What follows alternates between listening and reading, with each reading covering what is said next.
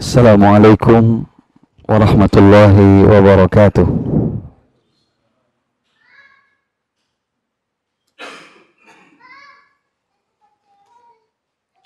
أعوذ بالله من الشيطان الرجيم. بسم الله الرحمن الرحيم. الحمد لله رب العالمين. والصلاة والسلام على أشرف الأنبياء والمرسلين.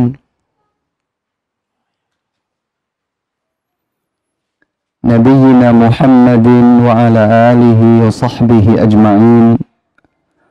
ومن تبعهم بإحسان إلى يوم الدين. أما بعد. اللهم علمنا ما ينفعنا وانفعنا بما علمتنا. وزدنا علما. سبحانك لا علم لنا إلا ما علمتنا. إنك أنت العليم الحكيم. اللهم إنا نعوذ بك من علم لا ينفع ومن قلب لا يخشع ومن نفس لا تشبع ومن دعاء لا يستجاب له. ثم أما بعد. Apa kabar jamaah sekalian? Sehat ya? Baik, Alhamdulillah. Kita bersyukur kepada Allah subhanahu wa ta'ala atas nikmat yang dikaruniakannya kepada kita. Semakin pandai kita bersyukur atas nikmat Allah, maka janji dari Allah subhanahu wa ta'ala, niscaya nikmat tersebut akan ditambahkan. Dan manakala kita kufur terhadap nikmat Allah, niscaya Allah Subhanahu wa taala mengancamnya dengan siksa yang pedih. Maka berdoalah kepada Allah Jalla wa ala agar kita dimudahkan untuk senantiasa bersyukur kepadanya. Bersyukur kepada Allah Subhanahu wa taala bukan hanya sekedar mengucapkan alhamdulillah tetapi lebih daripada itu bersyukur kepada Allah Subhanahu wa taala adalah agar kita menjadikan semua kenikmatan yang Allah anugerahkan sebagai motivasi meningkatkan kualitas penghambaan diri kita kepadanya. Dahulu Nabi Sulaiman alaihi salam diberikan kenikmatan yang sangat luar biasa. Selain beliau adalah seorang nabi, beliau juga adalah seorang raja. Jenis kerajaan yang diberikan oleh Allah Subhanahu wa taala kepada Nabi Sulaiman alaihi salam adalah kerajaan yang tidak pernah diberikan kepada raja selain beliau sebelum dan sesudahnya. Mulkan la yanbaghi li minal alamin. Kerajaan yang tidak sepantasnya diberikan kepada siapa pun di antara manusia. Namun ternyata Allah Subhanahu wa taala memberikannya kepada Nabi Sulaiman. Kekuasaannya meliputi manusia, seluruh jenis hewan, seluruh jin, bahkan angin. Semua tunduk di bawah pemerintahan kerajaan Nabi Sulaiman alaihi salam. Allah Subhanahu wa taala berfirman kepada beliau, "I'malu ala Dawud syukra wa qalilun min ibadiyas syakur." Beramallah kalian wahai keluarga Dawud Hal ini karena memang Nabi Sulaiman alaihi salam adalah putra dari Nabi Dawud alaihi salam. I'malu ala Dawud syukra. Beramallah engkau wahai keluarga Dawud sebagai bentuk syukur. Jadi syukur itu tidak cukup hanya dengan lisan. Tapi diperintahkanlah oleh Allah Subhanahu wa taala kepada Raja Sulaiman alaihi salam untuk beramal sebagai wujud rasa syukur. Wa qalilun min ibadiyas syakur. hanya sedikit saja di antara hamba-hambaku yang bersyukur kata Allah. Demikian pula dengan Nabi Muhammad sallallahu alaihi wasallam. Saat beliau memperpanjang salatnya sampai bengkak tumit kakinya, maka dengan penuh iba istri beliau tercinta, ibunda kita semua kaum mukminin, Aisyah radhiyallahu anha bertanya kepada Rasul, "Wahai Rasul, kenapa engkau lakukan seperti ini?" Bukankah engkau adalah hamba yang telah diampuni oleh Allah subhanahu wa ta'ala dosa-dosa yang lalu, bahkan yang akan datang? Jawaban indah dari Nabi sallallahu alaihi wasallam adalah ya Aisyah afala akunu abdan syakura. Wahai Aisyah, tidak pantaskah bagiku untuk menjadi hamba yang bersyukur? Subhanallah. Semoga Allah subhanahu wa ta'ala menjadikan kita sebagai hamba-hambanya yang senantiasa bersyukur kepadanya.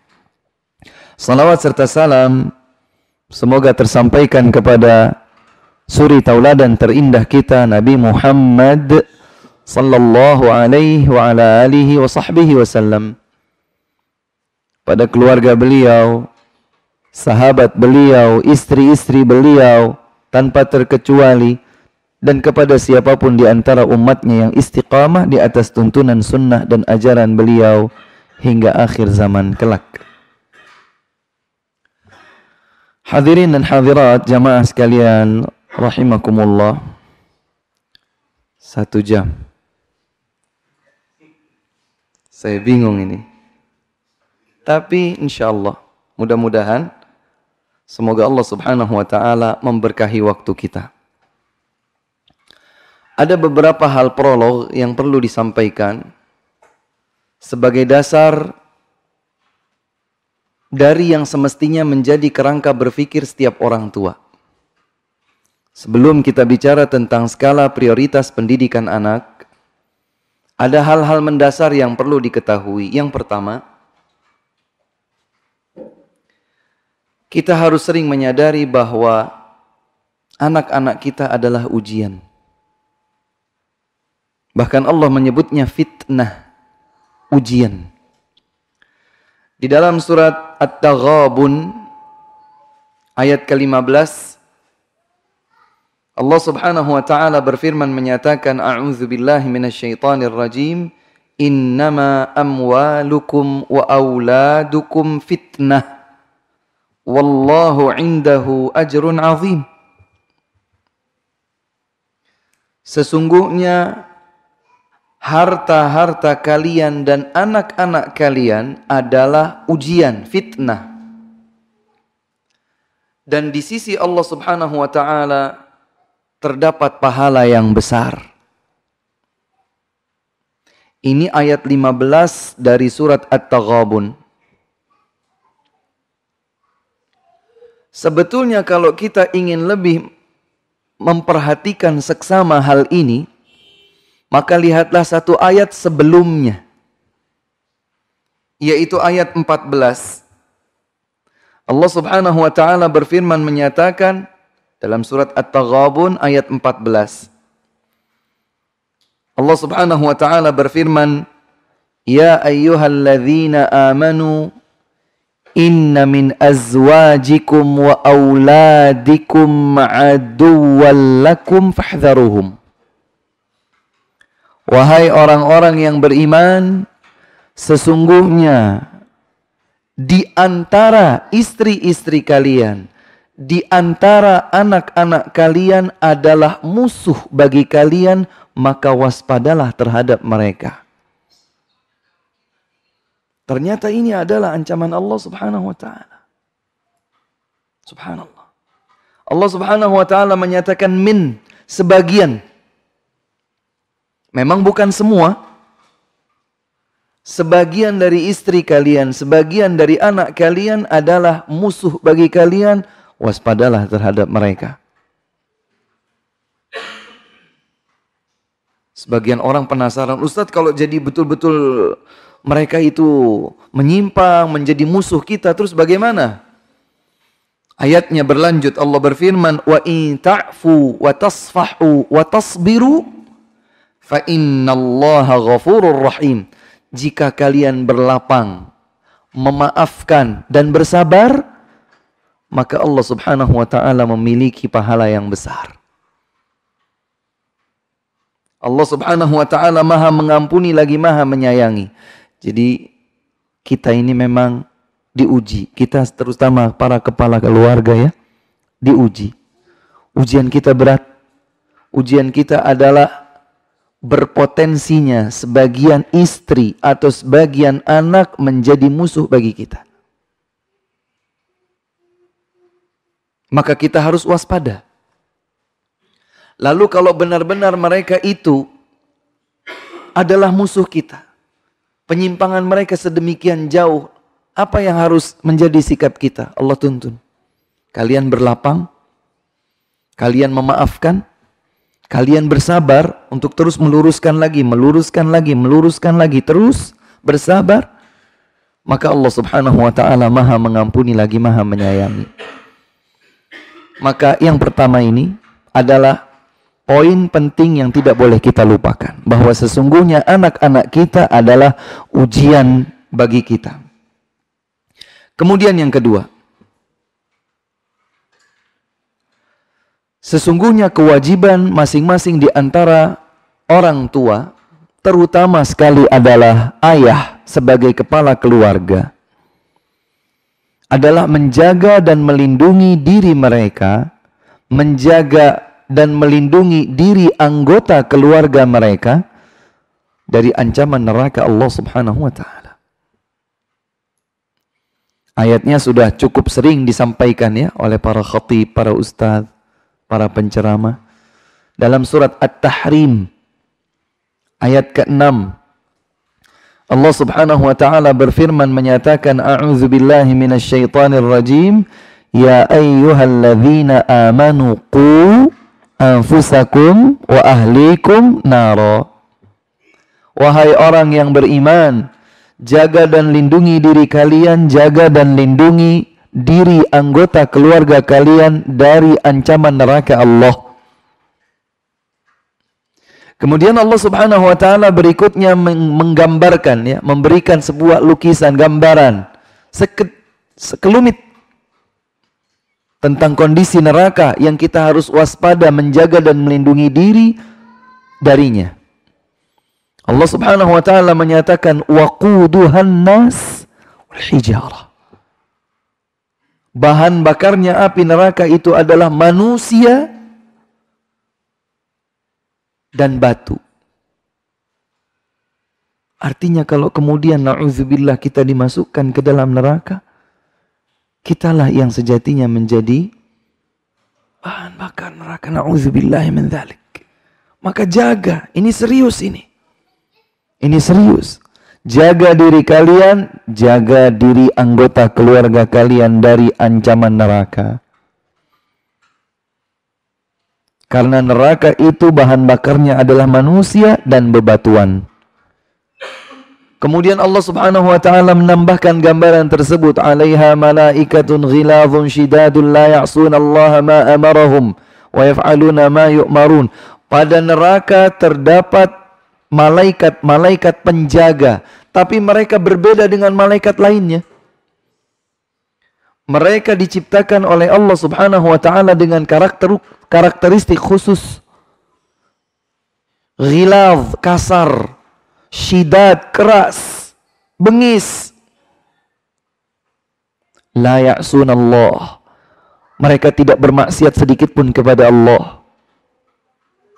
Apa yang Allah perintahkan kepada mereka mereka akan sangat melaksanakannya dengan baik. Wa yaf'aluna ma yu'marun. Tidak sedikit pun ada yang didurhakai oleh para malaikat. Subhanallah.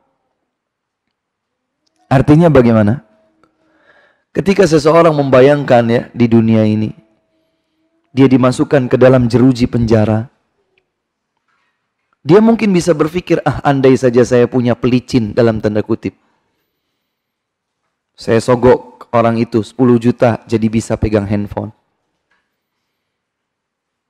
Sogok lagi 20 juta punya jaringan internet. Sogok lagi sekian, dia bisa dapat kamar yang nyaman, full AC. Kalau perempuan dia bisa berdandan dan seterusnya. mendapatkan fasilitas hotel padahal dia di dalam jeruji besi. Itu terbayangkan di dunia, tapi ini sama sekali tidak mungkin terjadi di akhirat. Ketika seseorang dimasukkan ke dalam siksa api neraka, jangan dia bisa membayangkan bahwa para malaikat akan meringankan hukuman bagi mereka. Sebab para malaikat penjaga neraka telah diciptakan dengan kondisi karakteristik khusus. La ya'sunallah mereka tidak bermaksiat kepada Allah Subhanahu wa taala. Apa yang diperintahkan oleh Allah mereka pasti kerjakan. Tidak sedikit pun mereka akan memberikan keringanan pada para penghuni neraka. Ini artinya adalah gambaran kecil yang Allah Subhanahu wa taala berikan untuk kita semua agar kita benar-benar menjaga diri ini, melindungi diri ini dan diri anggota keluarga kita dari ancaman neraka Allah Subhanahu wa taala. Pada saat Allah Subhanahu wa taala berfirman dengan ayat ini At-Tahrim ayat 6 Qu anfusakum wa ahlikum nara Dalam tafsir At-Tabari dijelaskan oleh beliau Ali ibnu Abi Talib radhiyallahu taala anhu tentang makna ayat ini. Ali berkata, "Ay 'allimuhum wa addibuhum." Jaga dan lindungi anggota keluarga itu caranya adalah alimuhum, ajarkan mereka ilmu agama. Adibuhum, tuntun mereka dengan akhlak adab yang mulia. Itulah maksudnya. Maka sahabat Ali bin Abi Talib radhiyallahu anhu seperti keumuman para sahabat mereka adalah yang paling mengerti tentang setiap makna ayat Al-Quran. Mereka mengungkapkan cara untuk menjaga dan melindungi anggota keluarga dari ancaman siksa neraka Allah adalah membekali mereka dengan ilmu agama, mendidik mereka dengan akhlak yang mulia, adab, alimuhum wa addibuhum. Itu poin yang kedua. Poin yang ketiga, sebelum nanti kita masuk kepada pembahasan skala prioritas pendidikan anak. Poin penting yang ketiga adalah sesungguhnya keberhasilan hakiki tarbiyah terdiri dari tiga komponen. Keberhasilan di dalam memberikan tarbiyah, pendidikan kepada segenap anggota keluarga terdiri dari tiga komponen. Yang pertama adalah meyakini bahwa hidayah itu di tangan Allah Subhanahu wa taala saja hidayah ada di tangan Allah Subhanahu wa taala. Orang tua sehebat apa pun dia, sepiawai apa pun memberikan tarbiyah, hidayah tidak berada di tangannya untuk diberikan kepada anaknya. Membimbing, ya. Menuntun, ya. Menasihati, ya. Tetapi memberikan taufik dan hidayah, tidak. Jangankan kita manusia biasa. Kita tentu ingat dengan kisah Nabi Nuh alaihi salam. Kisah Nabi Nuh yang diabadikan oleh Allah Subhanahu wa taala dalam serangkaian ayat pada surat Hud. Surat Hud. Surat Hud itu surat yang ke-11. Nanti boleh dilihat kisahnya pada ayat ke-36 sampai 49. Surat Hud, surat yang ke-11, ayat 36 sampai 49. Allah Subhanahu wa taala mengisahkan saya langsung saja sebutkan intinya wa kana fi ma'zil idh yaqulu wa kana fi ma'zil ya bunayyarkam jadi tatkala Nabi Nuh alaihi salam membuat bahtera kapal di daerah pegunungan tidak ada yang beriman kepada Nabi Nuh kecuali sedikit saja. Wa ma amana ma'ahu illa qalil. Tidak beriman bersama Nabi Nuh kecuali segelintir orang. Tapi Allah Subhanahu wa taala memerintahkan Nabi Nuh untuk mengangkut mereka, memasukkan mereka ke dalam kapal. Yang beriman akan kenabian Nabi Nuh langsung nurut naik ke atas kapal. Bahkan termasuk Allah Subhanahu wa taala perintahkan agar dimasukkan sepasang semua jenis hewan. Burung sepasang, yang betina pejantan. Semua hewan dimasukkan sepasang saja. Yang pejantannya dan betinanya. Yang lainnya tinggalkan. Manusia diajak, ayo naik, naik. Ma amana ma'ahu illa qalil. Tidak beriman kepadanya kecuali sedikit saja. Salah satu di antara yang enggan untuk ikut masuk ke dalam kapal itu adalah putra Nabi Nuh sendiri. Karena fi ma'zil, dia sudah berada di pinggir-pinggir itu. Maka dipanggil dari kejauhan, ya bunayya. Dalam bahasa Arab, ya ibni dengan ya bunayya itu beda. Ya ibni wahai anakku. Ya bunayya lebih lembut lagi, penuh kasih sayang. Panggilan hangat, panggilan kasih sayang. Seorang ayah atau ibu kepada anaknya. Ya bunayya. Ya bunayya irkam ma'ana. Ayo na naik bersama kami. Wala takum ma'al kafirin. Jangan engkau bersama dengan orang-orang yang kafir. Pilihan kata-kata ma'a pun, ma'a, bukan min, yang artinya dari. Jangan engkau menjadi bagian dari orang kafir. Jangan engkau menjadi bersama dengan orang yang kafir. Sekilas tidak ada bedanya. Tetapi dijelaskan oleh para ulama, ma'a di sini menunjukkan seperti halnya Nabi Nuh masih punya harapan engkau bukan menjadi bukan bagi belum menjadi bagian dari mereka loh, maka jangan menjadi bersama bagian mereka. Ma wala takum ma'al kafirin, jangan bersama dengan orang-orang yang kafir. Ayo naik nak. Tapi hidayah belum diberikan oleh Allah kepada anak itu. Sa'awi ila jabali ya'simuni minal ma. Enggak pak, saya mau naik atas gunung saja. Itu akan menyelamatkan saya dari banjir ini. Ayahnya mengingatkan lagi, sabar. Sabar mengingatkan. La asimal yawma min amrillahi illa marrahim. Tidak akan ada yang dapat menyelamatkan engkau dari ketetapan Allah pada banjir ini kecuali yang Allah rahmati. Ayo nak naik. Tetap ngeyel. Fakana minal mughraqin maka ia pun bersama dengan yang banjir tenggelam dalam banjir. Sudah terbawa banjir, Nabi Nuh alaihi salam masih dengan harapan, masih dengan sabar. Beliau berkata, Rabbi inna wa'dakal haq. Ya Allah, janji engkau kepadaku benar. Aku percaya akan janji engkau. Janji engkau adalah sebuah kebenaran. Nabi Nuh meminta janji dari Allah Subhanahu wa taala bahwa doa dikabulkan. Maka Nabi Nuh alaihi salam memohon kepada Allah agar menyelamatkan putranya. Di situlah Allah Subhanahu wa taala menegur, "Innahu laisa min ahlik, innahu amalun ghairu salih." Enggak. Kalau sudah kayak gini kondisinya, dia bukan bagian dari keluargamu, dia adalah sesuatu yang tidak saleh. Hadirin yang dimuliakan Allah, maka komponen keberhasilan tarbiyah pendidikan anak terdiri dari tiga. Yang pertama adalah taufik dan hidayah dari Allah Subhanahu wa taala. Kisah Nabi Nuh alaihi salam bersama putranya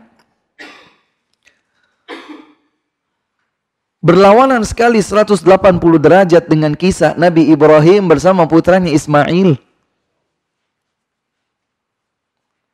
yang bahkan oleh Nabi Ibrahim sering ditinggal sejak gendongan. Sejak masih di dalam gendongan, Nabi Ismail itu sudah dilepas bersama dengan ibundanya Hajar alaihassalam di sebuah lembah yang tandus.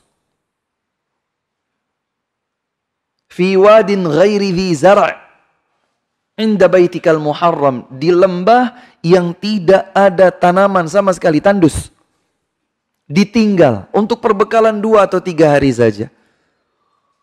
Hajar berkata kepada suami Ibrahim, kenapa engkau tinggalkan aku di sini? Jawabannya seperti itu. Nabi Ibrahim tidak bergeming, lanjut lagi berjalan. Apakah engkau akan meninggalkan kami di sini, di tempat yang tidak ada orang, tidak ada tumbuh-tumbuhan? Nabi Ibrahim tetap berjalan. Begitu Hajar alaihissalam merubah redaksi pertanyaan pertanyaan yang muncul dari iman. Maka barulah Nabi Ibrahim terhenti. Hajar bertanya yang terakhir. Allahu amaraka bihada. Apa Allah subhanahu wa ta'ala yang memerintahkanmu melakukan ini kepada kami? Barulah Nabi Ibrahim terhenti. Beliau berbalik dan berkata, Iya, Allah subhanahu wa ta'ala yang memerintahkanku untuk meninggalkan kalian di sini. Maka justru Hajar berkata, kalau begitu berangkatlah. Lanjutkan perjalananmu. Kami yakin Allah subhanahu wa ta'ala tidak akan menyia-nyiakan kami. Allah Akbar. Iman. Sering ditinggal dari kecil. Ditinggal lagi, ditinggal lagi. Sekali waktu. Tidak menyaksikan pernikahannya. Nabi Ismail menikah dengan keturunan Arab dari Yaman tidak disaksikan oleh Nabi Ibrahim alaihissalam. Tapi kita lihat bagaimana Nabi Nabi Ismail alaihissalam sebagai salah satu nabi yang memiliki keteladanan indah bagi kita semua. Di sana ada Nabi Nuh bersama putranya, di sini ada Nabi Ibrahim bersama putranya juga. Taufik, hidayah dari Allah Subhanahu wa taala. Allah berfirman dalam surat Al-Qasas ayat 56 Innaka la tahdi man ahbabt walakin Allah yahdi man yasha' Sungguh Allah Subhanahu wa taala, uh, sungguh engkau tidak memberikan hidayah kepada yang engkau kehendaki. Hidayah itu bukan bagi-baginya kita ya. Innaka la tahdi man ahbabta. Engkau tidak bisa memberikan hidayah kepada yang engkau kehendaki. Walakin Allah yahdi man yasha. Akan tetapi Allah Subhanahu wa taala sajalah yang memberikan hidayah kepada yang Allah kehendaki komponen pertama dari tiga komponen keberhasilan tarbiyah adalah meyakini bahwa Allah Subhanahu wa taala yang memberikan hidayah. Konsekuensinya adalah diminta. Minta kepada Allah. Jadi sebelum kita itu berpikir, ah saya mau berkonsultasi dengan seorang ustadz, dengan seorang psikolog, dengan seorang eh, pendidik anak misalnya, psikiater khusus anak misalnya. Bagaimana anak saya supaya begini, supaya begitu. Sebelum ini semua, mintalah kepada Allah subhanahu wa ta'ala. Di tangannya lah hidayah. Sehebat apa pun konsep yang diterapkan untuk membentuk pendidikan anak menjadi berhasil, menjadi anak yang salih atau salihah, ketahuilah bahwa hidayah ada di tangan Allah Jalla wa'ala. Dan hidayah ini tidak dijual di mana tempat. Hidayah ini diminta kepada Allah. Komponen yang kedua adalah peran utama yaitu peran orang tua dan peran-peran pembantu lainnya. Nanti akan saya sebutkan. Peran utama keberhasilan pendidikan tarbiyah anak adalah ada di tangan orang tua. Apa yang dimaksud di sini? Artinya ada usaha yang dilakukan. Hidayah memang ada di tangan Allah Subhanahu wa taala, tapi sebab agar Allah memberikan hidayah agar anak tersebut menjadi anak yang salih atau salihah perlu dilakukan sebabnya. Allah Subhanahu wa taala yang memberikan kita rasa kenyang setelah Allah menguji kita dengan rasa lapar. Tapi kalau kita lapar tidak kemudian kita duduk manis, kenyang, kenyang, kenyang, kenyang, kenyang. Jadi kenyang sendiri nggak mungkin. Lalu bagaimana? Lalu kita masak nasi, bikin sayur, langkahkan kaki kita, gerakkan tangan kita. Kemudian kita tuangkan nasi di piring, duduk, gerakkan tangan dan begitu seterusnya. Inilah usaha sebab. Adapun yang menguji kita dengan rasa lapar, yang memberikan kita anugerah berupa rasa kenyang, nikmat makan dan minum itu datang dari Allah Subhanahu wa taala. Ah, minumnya datang. Jazakumullah khair. Maka ada peran utama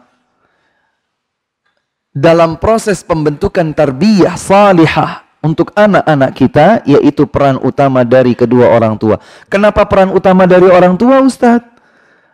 Sebuah hadis yang diriwayatkan oleh Al-Bukhari dan Muslim dari Abu Hurairah radhiyallahu anhu bahwa Rasulullah sallallahu alaihi wasallam bersabda, "Ma min mauludin illa yuladu 'alal fitrah." Tidaklah seorang anak dilahirkan kecuali berada di atas fitrahnya. Fa'abawahu. Maka kedua orang tuanya lah. Lingkungan terdekatnya itu adalah kedua orang tua. Yuhawidanihi menjadikannya Yahudi. Yunassiranihi menjadikannya Nasara. Yumajjisanihi menjadikannya Majusi.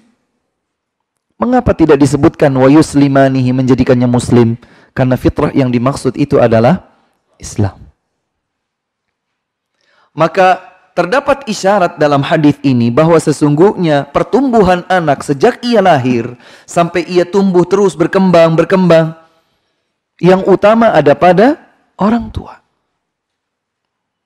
Maka hadirin yang dimuliakan Allah Subhanahu wa taala, komponen keberhasilan pendidikan tarbiyah anak yang kedua yang harus senantiasa kita ingat adalah peran orang tua, peran utama dari kedua orang tua. Sebagai lingkungan terdekat baginya. Maka kalau kita sudah menjadi orang tua, hendaklah kita menyadari bahwa semestinya kita ini madrasah terpenting bagi anak-anak kita. Malu rasanya kita kalau kemudian peranan-peranan itu diambil oleh orang lain. Iya Ustadz, soalnya saya baru sadar belajar agama sekarang Ustadz. Sehingga saya ya tidak punya tidak punya ilmu untuk saya sampaikan kepada anak saya. Saya tidak punya bekal untuk menyampaikannya kepada anak saya. Oke? Maka saya minta tolong kepada pihak lembaga pendidikan tertentu. Benar? Lalu, lalu selesai. Lah. Kita harus menyusul ketertinggalan itu. Ayo susul.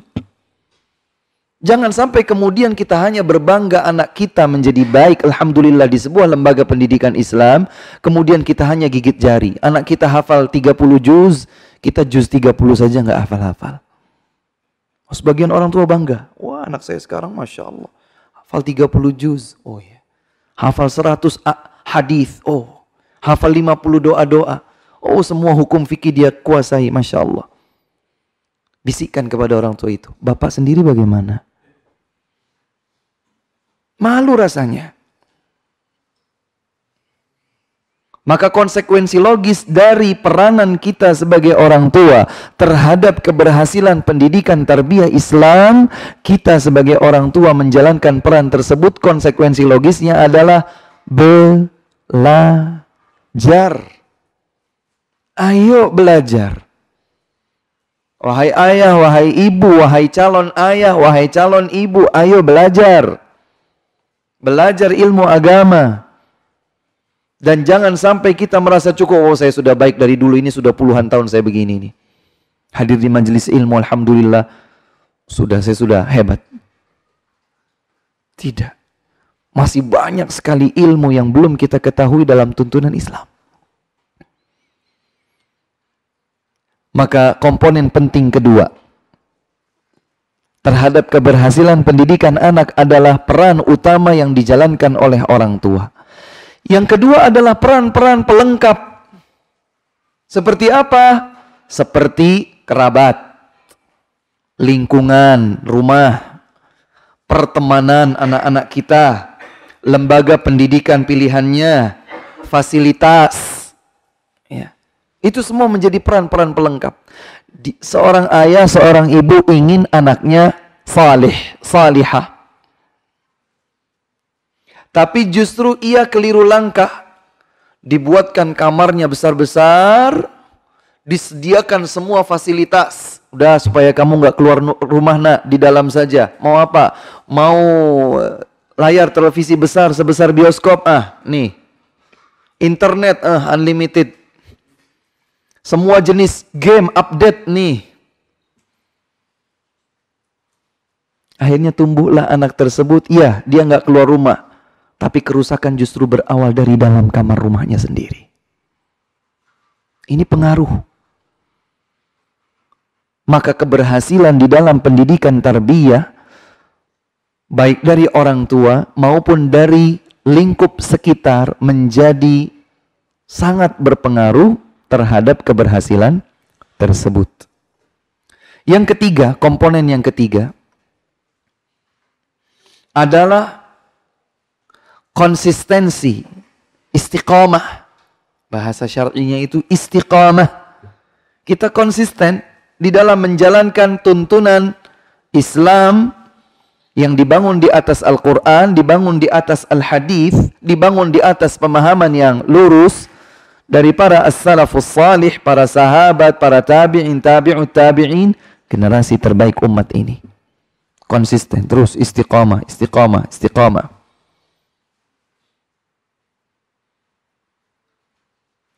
Dengan kita istiqamah, terus tetap sabar, tetap lemah lembut, menyampaikan dengan bahasa sayang, amar ma'ruf nahi mungkar tegak tapi benar. Contoh sederhana begini Pak.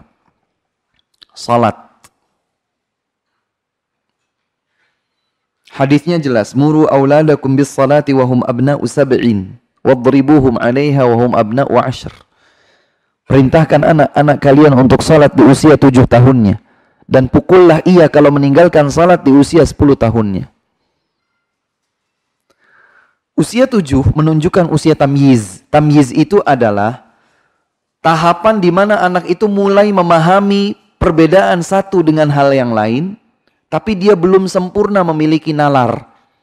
Dia tahu bahwa api itu panas, maka dia tidak mau pegang. Itu anak tujuh tahun insya Allah sudah punya. Dia tahu kalau seandainya dia berjalan di di dekat got gitu ya, di dekat selokan, ada potensi dia tergelincir dan jatuh, maka dia menjauh. Dia tahu, sudah mulai tahu kalau hujan berarti tidak jalan biasa, dia agak berlari, mempercepat. Ini tamyiz. Dalam kondisi tamyiz, mulai diajak salat. Dan ingat, meskipun kita ajak, anak kita belum berkewajiban salat. Artinya, kalau kita tidak mengajak di usia tujuh tahunnya kita salah. Karena Nabi mengatakan muru. Tapi kalau anak kita di usia tujuh belum salat, kita ajak belum mau salat, anak kita nggak dosa. Ini rincian yang tidak diketahui kecuali dengan belajar menuntut ilmu. Tujuh tahun anak kita, kita tidak perintahkan dia salat, kita berdosa. Kita harus perintahkan anak kita salat. Tapi kalau anak kita setelah kita perintahkan dia nggak mau sholat di usia tujuh tahun, dia nggak berdosa. Maka tidak boleh dipukul di usia tujuh. Tidak boleh dipukul di usia tujuh. Yang diperbolehkan adalah memberikan targhib, motivasi. Ayo nak, dengan salat kamu akan dicintai Allah Subhanahu wa taala. Surga akan terbuka lebar buat seorang hamba yang mendekatkan diri kepada Allah dengan salat, dengan baca Quran. Diberikan targhib, motivasi-motivasi yang membangun. Kalau nggak mau, nggak apa-apa. Dia nggak mencatat dosanya. Sepuluh tahun dia mungkin belum akil balik, belum. Mungkin usia 11, usia 12. Lain cerita kalau sudah akil balik. Tapi usia 10 tahun, umumnya belum akil balik, anak tersebut tidak mau sholat ketika kita perintahkan, boleh dipukul. Dipukul di sini, bukan berarti betul-betul kita siapkan tongkat besar begitu ya. Anaknya biar tahu nih, Pak lagi ngapain? Lagi persiapkan kayu. Buat apa? Buat pukul kamu kalau nggak sholat. Bukan begitu. Tapi maksudnya adalah ada ada tarhib dalam bahasa Arab itu tarhib. Artinya adalah ada sesuatu yang membuat dia mulai takut. Jadi ada motivasi tapi juga ada ancaman, kewaspadaan. Bukan dengan pukulan yang meninggalkan cacat. Bukan dengan pukulan yang meninggalkan bekas luka sekedar pukulan yang memberitahukan kepada si anak bahwa orang tua tidak suka dengan perbuatannya.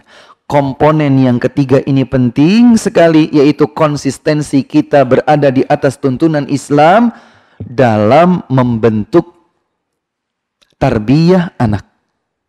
Berarti tiga komponen ini. Yang pertama adalah meyakini bahwa hidayah taufik datang dari Allah, maka konsekuensinya kita minta. Yang kedua, bahwa sesungguhnya orang tua adalah peran utama masa tumbuh kembangnya anak. Dan ada peran-peran pelengkap lainnya. Konsekuensinya adalah dasari dengan ilmu. Orang tua harus juga berilmu. Agar dialah yang menjadi guru pertama, guru utama selamanya untuk mengajarkan anaknya kebaikan. Yang ketiga adalah konsistensi. Terus istiqomah menjalankan tuntunan Islam. Dan ini konsekuensinya adalah sabar. Sabar penuh kasih sayang. Sabar penuh kasih sayang. Ada sebagian orang tua tuh karena nggak sabar mulai dia menghardik anaknya. Kamu ini ya bandel banget. Sudah mulai nggak sabar. Kamu nggak bisa ya dibilangin pelan-pelan. Harus begini, harus begini. Teriak mulai ayah ibunya itu. Seneng kamu kalau mama marah, dipukul. Mau kamu. Gak sabar. Maka ingat tadi. Sesungguhnya harta dan anak kita adalah ujian. Baik. Itulah yang hendak saya coba mukaddimahi untuk skala prioritas. Sekarang saya akan masuk kepada skala prioritas. Yang pertama, apa yang harus dibangun dan ditanamkan kepada anak-anak kita? Yang pertama adalah tauhid. Tauhid. Apa itu tauhid? Memurnikan segala bentuk penghambaan diri hanya untuk dan kepada Allah Subhanahu wa taala. Saya ulangi. Apa itu tauhid? Memurnikan segala bentuk penghambaan diri hanya untuk dan kepada Allah Subhanahu wa taala. Dalam ucapan, dalam sikap perbuatan, dalam amal, semuanya tertuju kepada Allah Subhanahu wa taala sebagai bentuk tauhid. Hal ini berdasarkan banyak sekali ayat dan hadis. Saya akan coba sebutkan beberapa di antaranya. Yang pertama adalah firman Allah Subhanahu wa taala dalam surat Ar-Rum ayat 30.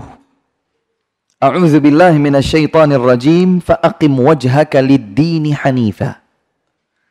Fitratallahi allati fatara an-nasa 'alayha La tabdila li khalqillah dzalika dinul qayyim walakin aktsaran nasi la ya'lamun. Tegakkanlah wajahmu untuk agama yang lurus ini. Islam. Tauhid. Menyembah mengesahkan Allah Subhanahu wa taala dalam segala bentuk ibadah. Fitrat Allah allati fataran nasa alaiha. Itulah fitrah yang telah Allah tetapkan pada diri setiap manusia. La tabdila li khalqillah. Tidak ada yang dapat merubah ketetapan dari Allah subhanahu wa ta'ala. Itulah agama yang lurus, namun kebanyakan manusia tidak mengetahui. Tauhid. Oleh sebab itu Allah Subhanahu wa taala berfirman dalam surat At-Tur. Ayat 21 surat At-Tur ayat 21 A'udzu billahi minasyaitonir rajim walladzina amanu wattaba'atuhum dzurriyyatuhum biiman. Alhaqna bihim dzurriyyatahum wama alatnahum min amalihim min syai' Orang-orang yang beriman, bertauhid.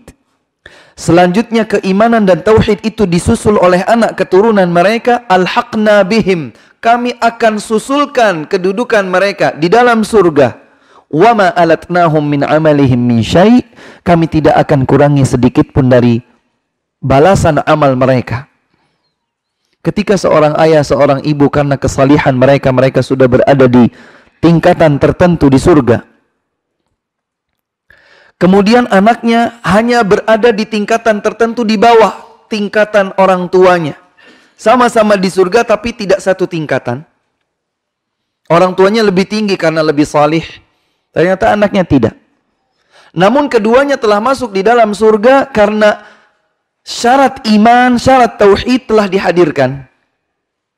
Alhamdulillah masuk surga. Maka anak ini akan diangkat derajatnya.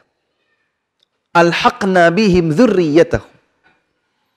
Bukan orang tuanya yang disuruh turun biar ketemu anaknya, anaknya yang diangkat untuk bisa bertemu kepada eh, bersama orang tuanya. Mengapa?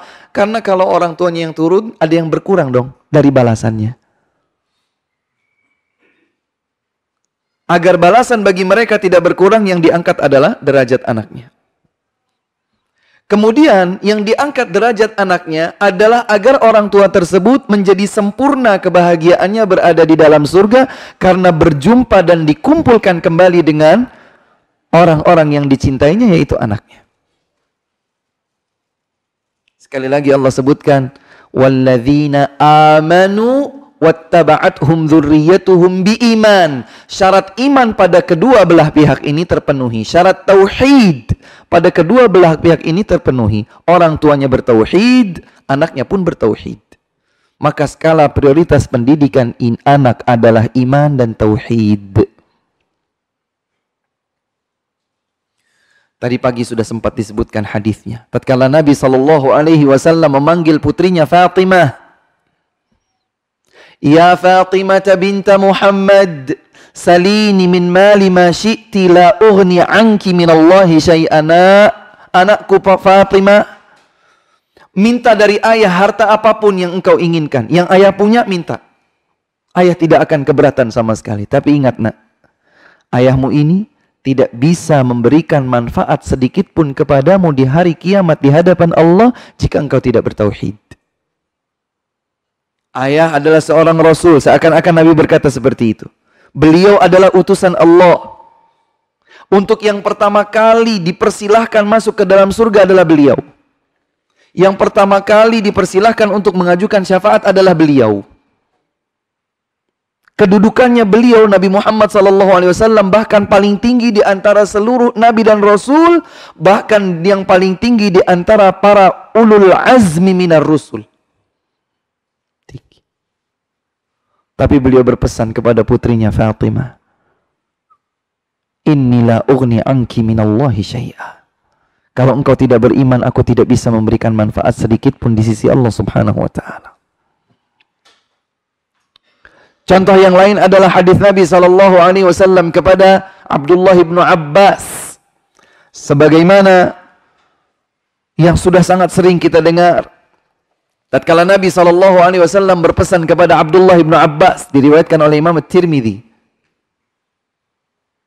Ya ghulam, ihfazillaha yahfazka. Jadi Abdullah bin Abbas dibonceng di belakang. Kemudian dipesankan, wahai anak, nak, kalau orang Jawa bilang itu sambil dengan rasa sayang, perhatian, le, Begitu ya. Di Bali ada. Apa panggilannya? Gus, misalnya begitu kan. Ya gulam, nak, ini u'allimuka kalimat. Aku akan ajarkan kepada engkau beberapa kalimat. Ihfazillaha yahfazka. Jaga batasan hukum Allah, niscaya Allah akan menjagamu tauhid. Di mana tempat ada orang tuanya, tidak ada orang tuanya, di kesendiriannya, di tengah keramaian, dia akan menjaga batasan hukum Allah karena dia tahu bahwa dia membutuhkan penjagaan perlindungan dari Allah. Kalau mau dapat, aku akan jaga batasan hukum Allah. Aku akan hormati, aku akan jalankan batasan hukum Allah. Inilah tauhid. Nabi berpesan berikutnya, ihfazillaha tajidhu tujahaka. Jagalah batasan hukum Allah, niscaya engkau dapatkan Allah di hadapanmu. Maksudnya menolongmu, memudahkan urusanmu, memberikan taufik kepadamu. Maka kita tanamkan kepada anak kita, nak, kalau kamu mau ditolong sama Allah, mau senantiasa diberikan kemudahan urusan oleh Allah, maka hendaklah yang engkau lakukan adalah menjaga batasan hukum Allah junjung tinggi hukum-hukum Allah, jalankan batasan hukum Allah, Allah akan menolongmu. Allah akan memudahkan urusanmu. Allah akan memberikan taufik, hidayah kepadamu, tauhid. Nabi lanjutkan, "Idza sa'alta fas'alillah." Jika engkau meminta, berdoa, minta sama Allah. Jika engkau berdoa meminta sesuatu, mintalah kepada Allah. Dan subhanallah, urusan doa ini, doa itu kan begini Pak. Doa itu adalah salah satu di antara dua kondisi yang paling menunjukkan posisi seorang hamba di hadapan Allah. Karena dia sedang merengek, ya Allah minta dong. Sama seperti ketika seorang hamba itu sujud. Maka disebutkanlah kondisi terdekat antara diri seorang hamba dengan Allah adalah pada saat dia sujud. Karena pada saat dia sujud, dia berikan yang paling terhormat pada dirinya, yaitu dahinya, wajahnya, dia sungkurkan ke bawah, ke bagian terendah untuk siapa? Untuk Allah. Maka hukumnya mujma' konsensus disepakati oleh para ulama tidak boleh bersujud kepada siapa pun selain Allah. Kenapa? Karena sujud adalah kondisi yang paling menggambarkan penghambaan diri seseorang kepada Allah. Seperti itulah doa. Maka Nabi menganjurkan, uh, Nabi menanamkan, "Idza sa'alt fas'alillah." Jika engkau meminta, minta sama Allah. Wa idza sta'anta fasta'in billah. Poin berikutnya yang keempat, jika engkau membutuhkan pertolongan, mintalah pertolongan kepada Allah. Ketanamkan tauhid kepada anak kita. Tiba-tiba dia jatuh ya, tergelincir, bawa makanan jatuh tergelincir, nangis. Makanannya hancur, berantakan, tumpah. Kakinya terluka, lututnya terluka. Wah, dia menangis sejadi-jadinya. Manfaatkan itu untuk menanamkan tauhid kepadanya. Jangan kemudian menampakkan panik. Wah, Mama adalah yang paling care kepadamu. Apa nak, apa nak, apa nak. Ini lantainya. Oh, dipukul-pukul lantainya. Subhanallah. Hampiri dia. Terjatuh nak, coba ucapkan dulu. Inna lillahi wa inna ilaihi raji'un. Allahumma jurni fi musibati wa khluf li khairan minha. Ustaz lagi nangis. Enggak apa-apa, tanamkan itu. Uh, uh, sudah, sudah, sudah. Sudah tenangkan nak. Ambil air minum. Ayo coba ucapkan. Inna lillah wa inna ilaihi raji'un. Sesungguhnya kita semua ini milik Allah. Sesungguhnya kita semua akan kembali kepadanya. Allahumma jurni fi musibati. Ya Allah berikan aku musibah. Uh, maaf. Berikan aku pahala pada musibah ini. Dan gantikan untukku dengan yang lebih baik. Mana bagian yang sakit? Uh, uh, dia masih menangis. Mana nak? Ini. Bacakan ayat Al-Quran. Ah, bacakan Al-Fatihah. Ustadz masih nangis, Ustadz mana mungkin anak kita dituntun Al-Fatihah. Eh, kita kita tuntun. Ayo nak. A'udzubillahi minasyaitonirrajim. Dia masih masih menangis memang nggak apa-apa. Bismillahirrahmanirrahim. Alhamdulillahi rabbil alamin. Terus bacakan Al-Fatihah. Sekarang mama membaca doa sama untuk kamu ya. Allahumma rabban nas adhibil ba's. Shfi anta syafi la shifa'a illa shifa'uk shifa'an la yughadiru saqama. Mama Rukyah kamu ya dengan tuntunan doa dari Nabi Muhammad sallallahu alaihi wasallam. Bismillahi arqika Allahu yashfik. As'alullah al-azim rabbal arshil azim ay yashfiyaka. Begitu terus. Sudah, sudah. Sudah bersabar ya nak ya. Bersabar Allah subhanahu wa ta'ala akan memberikan kepadamu pahala yang banyak. Baru ambil obat merah, kapas dan seterusnya. Ustadz ada penanganan-penanganan khusus. Seperti misalnya kena luka bakar. Nah, kalau pada saat penanganan khusus seperti itu, segerakan penanganan tapi tidak lupa untuk mendampinginya menanamkan tauhid. Tiba-tiba anak tangannya terkena knalpot. Panik. Segera bawa sambil bisikan kepada telinganya. Tidak apa-apa nak. Inna lillahi wa inna ilaihi raji'un. Allah majurni fi musibati wa khluf li khairan minna.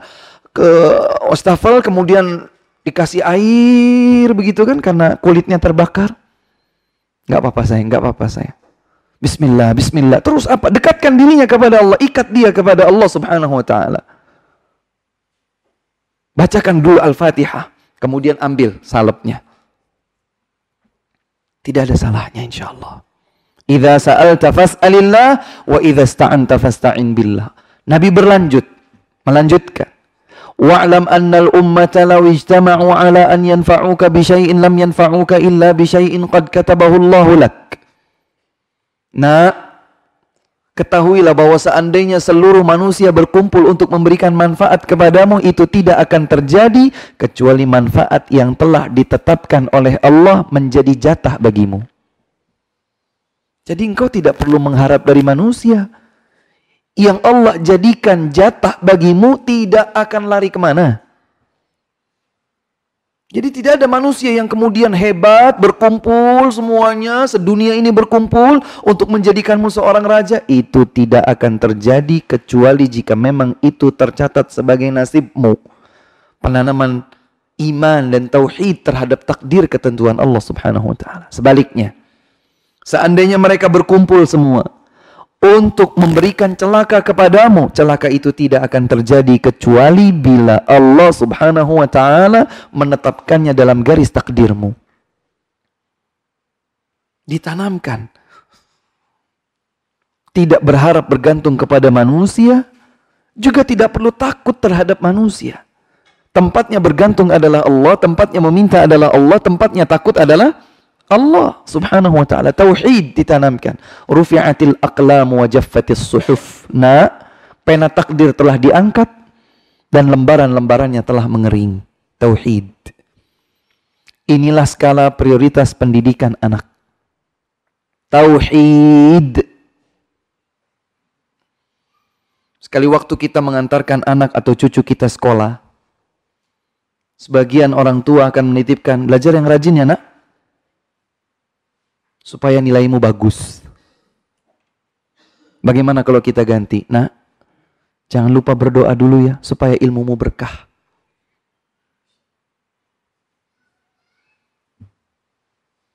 Nah, akhlaknya yang mulia lah. Jangan ganggu temanmu. Seorang mukmin yang akhlaknya mulia tidak mengganggu temannya, ya. Kita kita ikat anak kita itu dengan Allah Subhanahu wa taala, dekatkan dia untuk selalu mengingat Allah. Nah, kalau nanti azan berkumandang, sebisa mungkin engkau membalas bacaan sebagaimana muadzin mengucapkan. Kalau muadzinnya Allahu Akbar, Allahu Akbar, kamu balas Allahu Akbar, Allahu Akbar. Jangan lupa segera sholat. Tapi nggak boleh mah sama gurunya. Oh begitu. Ya sudah nanti mama kasih eh, masukan buat guru. Tapi kamu balas dulu ya adhannya. Nanti sholat bisa berjamaah bersama kawan-kawan yang lain. Setiap kesempatan kita untuk memberikan pesan kepada anak kita, pesankanlah tauhid. Tauhid. Tauhid. Keluar dari rumah, ayo. Bagaimana doanya keluar rumah? Nah, jangan-jangan kita sendiri juga lupa. Bagaimana kita mau mengingatkan anak kita? Nah, kita sendiri lupa. Ajak anak kita ke masjid. Kita sendiri juga lupa lah bagaimana kita. Iya Ustaz namanya lupa-lupa kan penyakit manusia. Iya lupanya kalau sekali dua kali. Kalau lupa terus. Sebetulnya salah satu di antara yang meminimalisir lupa adalah memecut diri sendiri, membiasakan betul-betul. Berusaha untuk ingat. Berusaha untuk ingat. Ketika mau makan, nah ayo. Makanya ada yang unik. Ketika Nabi Muhammad SAW mengasuh Umar bin Abi Salamah, anak sambungnya bukan anak kandung beliau, anak sambungnya setelah menikah dengan Ummu Salamah radhiyallahu anha. Anak kan anak eh, Sambungnya itu masih kecil. Sekali waktu satu meja hidangan dengan Nabi Shallallahu Alaihi Wasallam. Wa kanat di tatishu fit ta'am. Ini Umar Umar bin Abi Salamah sendiri yang menceritakan. Waktu itu tanganku menjangkau makanan-makanan yang jauh ke sana dan kemari. Apa yang dipesankan oleh Nabi Shallallahu Alaihi Wasallam? Coba perhatikan. Samillah bacalah bismillah. Ada hubungannya enggak dengan tangan-tangan yang itu? Belum ada hubungannya. Wa kul biyaminik, makanlah dengan tangan kananmu. Wa kul mimma yalik, makanlah dari yang dekat denganmu. Baru di posisi yang urutan ketiga disebutkan berhubungan dengan perbuatannya. Yang pertama kali diingatkan apa? Samillah. Hubungkan dulu anak itu dengan Allah. Padahal problemnya itu di sini, di tangan. Yang menggerayangi makanan di, semua tempat meja hidangan itu. Tapi yang diingatkan oleh Nabi Shallallahu Alaihi Wasallam pertama kali justru Samillah. Nah, jangan lupa ucapkan Bismillah. Kenapa? Karena Nabi Shallallahu Alaihi Wasallam ingin mengikat anak ini dengan Allah. Tauhid. Ini yang pertama. Yang kedua, kecintaan kepada ilmu yang bersumber dari Al-Quran dan Al-Hadis.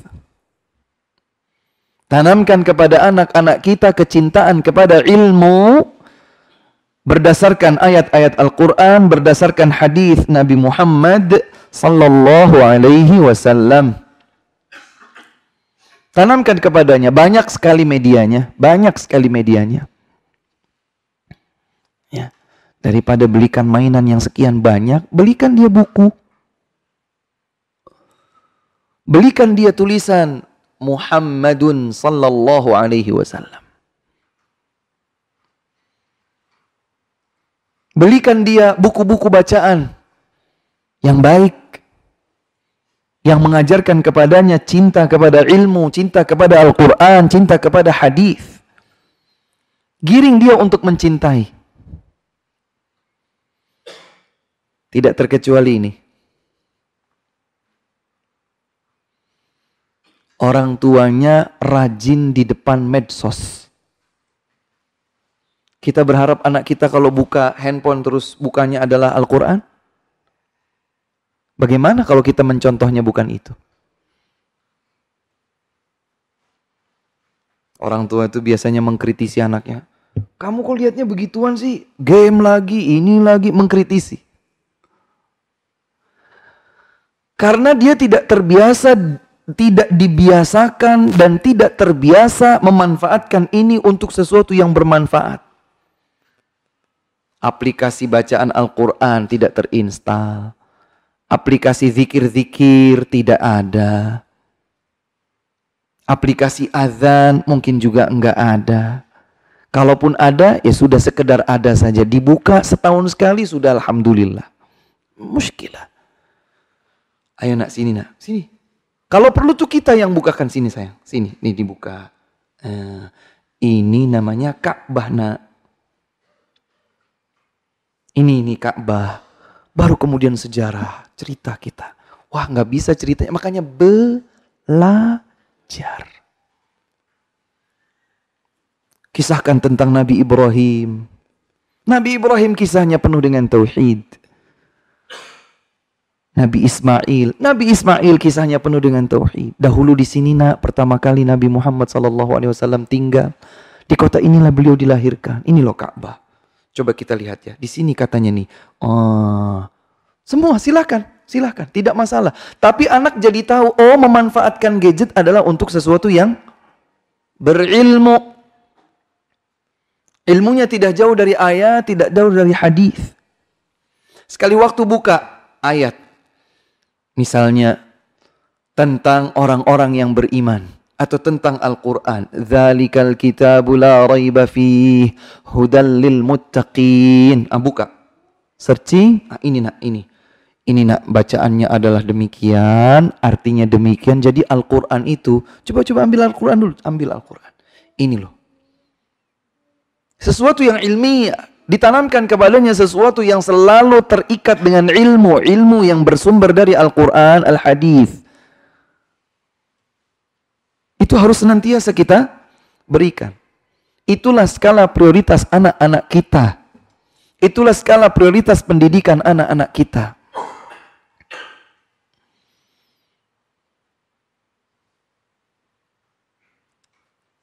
Berikan dia fasilitas-fasilitas yang akan membuatnya cinta kepada ilmu, cinta kepada ilmu, cinta kepada para ulama. Sekali waktu untuk main ya misalnya piknik ke mana tempat tidak masalah. Selama itu masih pada batasan yang mubah. Tapi gilirannya misalnya nih mau hadir di majelis ilmu, oh diberikan semangat. Nah kita nanti mau hadir di majelis ilmu. Ada seorang ustaz, dia punya begini, begini, begini. Islam itu nak kata Nabi Shallallahu Alaihi Wasallam, masya Allah, uh, cerita. Dia sampaikan ayat, dia sampaikan hadis. Udah Ustaz, saya belum bisa itu Ustaz, belum hafal ayatnya, belum hafal hadisnya. Inilah konsekuensinya. Orang tua harus belajar.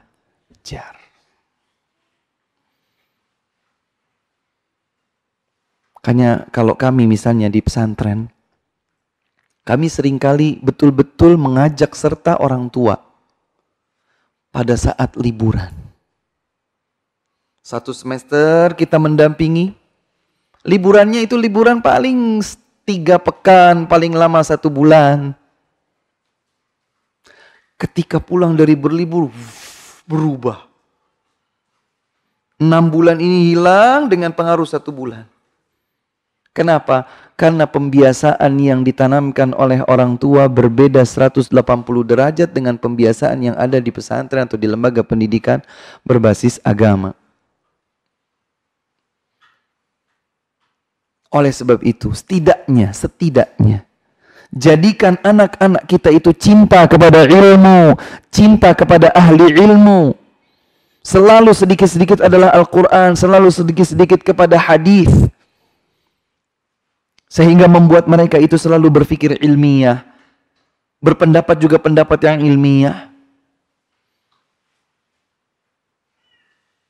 Ketika berbuat selalu juga berbuat yang baik, yang ilmiah.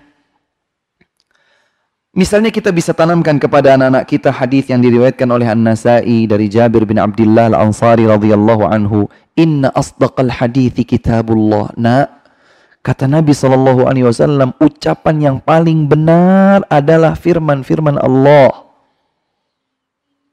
Wa khairal hadi hadi Muhammadin sallallahu alaihi wasallam.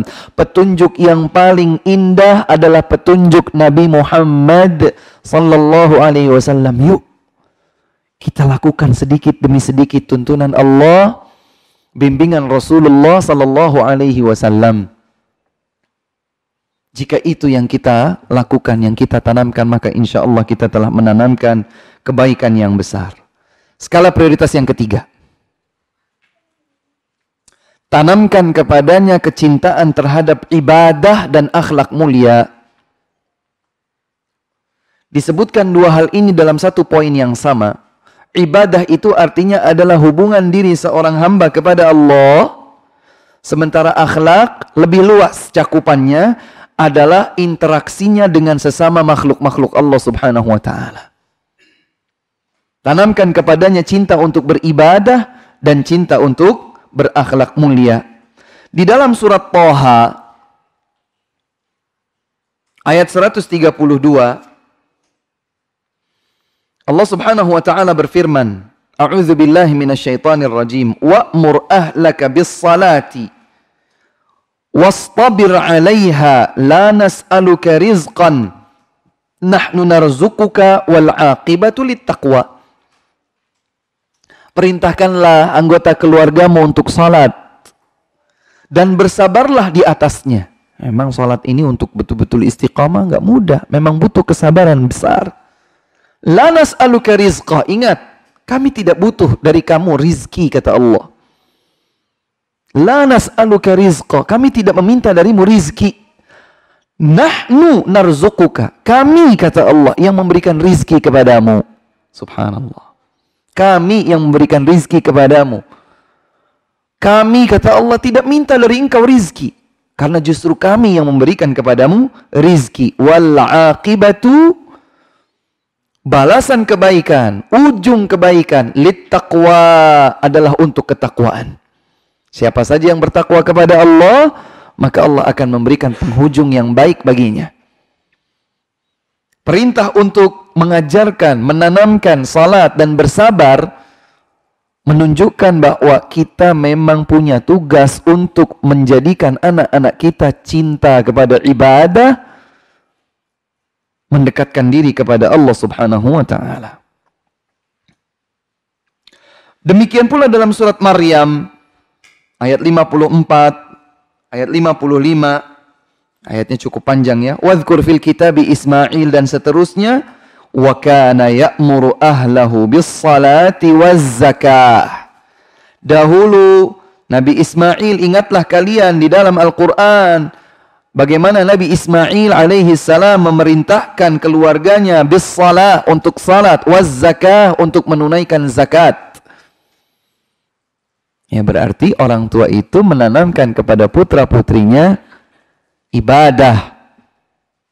Dan juga menanamkan kepada putra-putrinya akhlak. Lihat serangkaian ayat dalam surat Ali uh, dalam surat Luqman. Surat Luqman ayat 12 13 terus mulai dari tauhid diajarkan kemudian birrul walidain Ya bunayya innaha in taku mithqala habbatin min khardali fatakun fi sakhratin aw fi samawati aw fil ardi ya'ti biha Allah. Ih, ini juga luar biasa, muraqabah. Nah, seandainya ada sebiji apa pun yang kecil di tengah hamparan padang pasir atau di tengah luasnya langit, di tengah luasnya samudra, Ya'ti bihallah, Allah pasti akan mampu menghadirkannya. Jadi apa pun yang engkau lakukan, jangan sampai itu adalah sesuatu yang dimurkai oleh Allah subhanahu wa ta'ala. Ya bunayya aqimis salata wa'mur bil ma'rufi wanha 'anil munkar wasbir 'ala ma asabak. Nak, Jalankan salat, tegakkan amar ma'ruf, jauhi dari kemungkaran, dan bersabarlah engkau dalam hal ini. Terus lihat lagi, waqsid fi masyika. Kalau berjalan itu berjalan bukan dengan gayanya orang yang sombong, berjalanlah dengan penuh kerendahan hati. Waghdud min sautik. Rendahkan suaramu. Inna angkaral aswati la sautul hamir. Sesungguhnya seburuk-buruk Uca, uh, suara adalah suaranya keledai. Kenapa disebutkan keledai? Karena keledai itu terbukti sebagai hewan yang paling bodoh. Dan keledai ketika meringkik suaranya jelek banget. Disebutkan dalam Al-Quran bagaimana Luqmanul Hakim memberikan pesan kepada anaknya, mendidik akhlaknya untuk tidak bersuara dengan suara layaknya suara keledai. Wala tusa'il khaddaka linnas. Jangan palingkan pipimu dari manusia. Artinya jangan angkuh terhadap manusia. Wala tusa'il khaddaka linnas. Jangan buang pipimu dari manusia. Wala tamshi fil ardi maraha. Jangan berjalan di atas muka bumi ini dengan penuh kesombongan. Akhlak. Maka skala prioritas pendidikan bagi anak adalah menjadikan dia cinta beribadah, menjadikan dia cinta berakhlak mulia. Yang berikutnya, termasuk skala prioritas pendidikan anak adalah cinta kepada para sahabat Nabi sallallahu alaihi wasallam dan orang-orang yang salih. Cinta kepada Nabi sallallahu alaihi wasallam dan kaum yang salih ceritakan kepadanya tentang para nabi, ya kisah-kisah para nabi. Ya sama-sama belajarlah. Kalau kita juga belum tahu, beli buku-buku para nabi sambil kita belajar, sambil kita mengajarkan.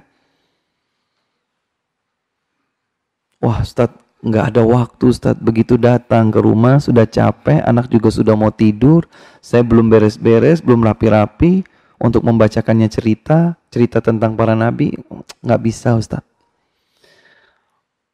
Bedakan antara seseorang yang hanya sekedar ingin, iya sebetulnya saya ingin sih Ustaz, tapi ya gimana Ustaz? Ingin itu berbeda dengan saya bertekad.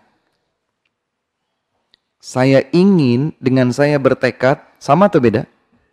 Apa bedanya? Seseorang yang bertekad itu tidak akan menjadikan yang ada di hadapannya sebagai penghalang. Gunung akan kudaki. Lautan ku seberangi. Begitu kan katanya? Untuk mendapatkan apa? Mendapatkan sesuatu yang diharapkannya. Maka ini butuh perjuangan, ini butuh pengorbanan, ini butuh komitmen dan kesungguhan diri, bertekad. Bukan sekedar ingin. Kalau ingin, ya biasanya begitu. Digoda sama setan, udahlah nggak usah, kamu masih bau keringat, belum apa-apa, anak sudah mau tidur. Udah, nanti besok lagi, besok-besok, malam libur. Begitu malam libur, safar. Terus ada taswif, nanti, nanti, nanti, nanti, nanti, nanti, nanti, bablas. Nggak ada pernah tercapai.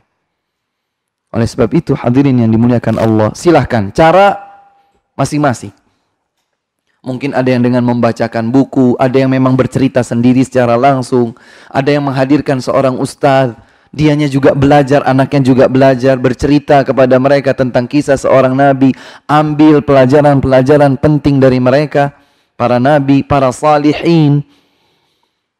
Itulah skala prioritas untuk pendidikan anak. Yang terakhir, yang terakhir sebelum dibuka sesi tanya jawab ya. Saya akan coba membacakan beberapa doa yang diajarkan di dalam Al-Quran untuk kepentingan kita dan segenap anggota keluarga. Yang pertama adalah yang Allah firmankan dalam surat Al-Furqan. Dicatat saja dulu Nanti bentuk doanya langsung bisa dilihat di ayat tersebut. Ayat ke-74 surat Al-Furqan. Surat Al-Furqan itu surat ke-25. Ayat 74 Allah Subhanahu wa taala mengajarkan kita sebuah doa, saya yakin sudah kita hafal. Rabbana hab lana min azwajina wa dhurriyyatina qurrata a'yun waj'alna lil muttaqina imama. Upayakan jangan hanya sekedar ucapan bibir. Renungi, hayati maknanya, libatkan segenap jiwa dan raga kita untuk menghayati doa ini, merengek, bersimpu, memohon kepada Allah Subhanahu wa taala. Doa yang kedua yang Allah firmankan dalam surat As-Saffat, surat ke-37 ayat 100. Yang kedua adalah firman Allah dalam surat As-Saffat, surat yang ke-37 ayat ke-11. Rabbi habli minas salihin.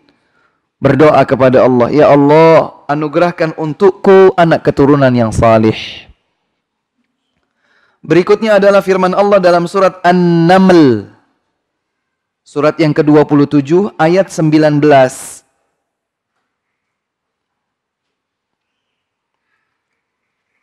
Surat ke-27 surat An-Naml ayat 19. Ada yang serupa dengan ini saya langsung sebutkan bersamaan surat Al-Ahqaf yaitu surat ke-46 ayat 15.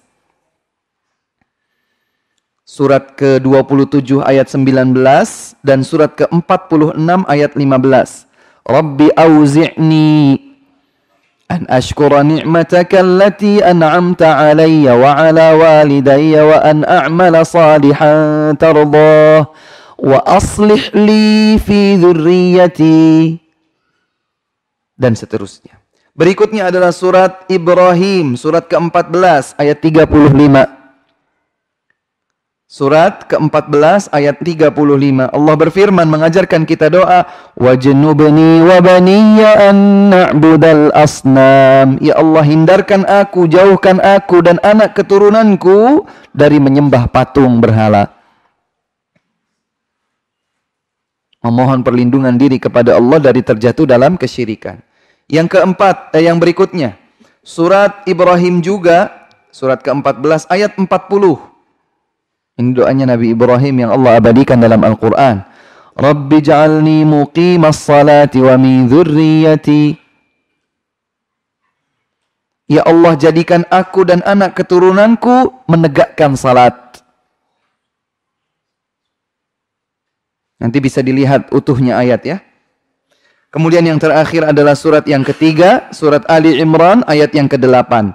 Rabbi habli min ladunka dzurriyyatan thayyibatan innaka sami'ud du'a. Ya Allah, anugerahkan untukku dari sisimu anak keturunan yang baik. Sesungguhnya engkau maha mendengarkan doa. Itulah sekumpulan ayat dalam Al-Quran tentang permohonan kebaikan untuk anak keturunan kita. Wallahu taala a'lamu bis-shawab wa sallallahu wa sallama wa baraka ala nabiyyina Muhammadin wa ala alihi wa sahbihi wa sallama ajma'in. Benar sekali, ya, ada di antara ibu-ibu ummahat yang membawa serta anaknya di majelis ilmu. Anak itu tipikalnya berbeda-beda. Ada yang tenang, tapi ada juga yang aktif.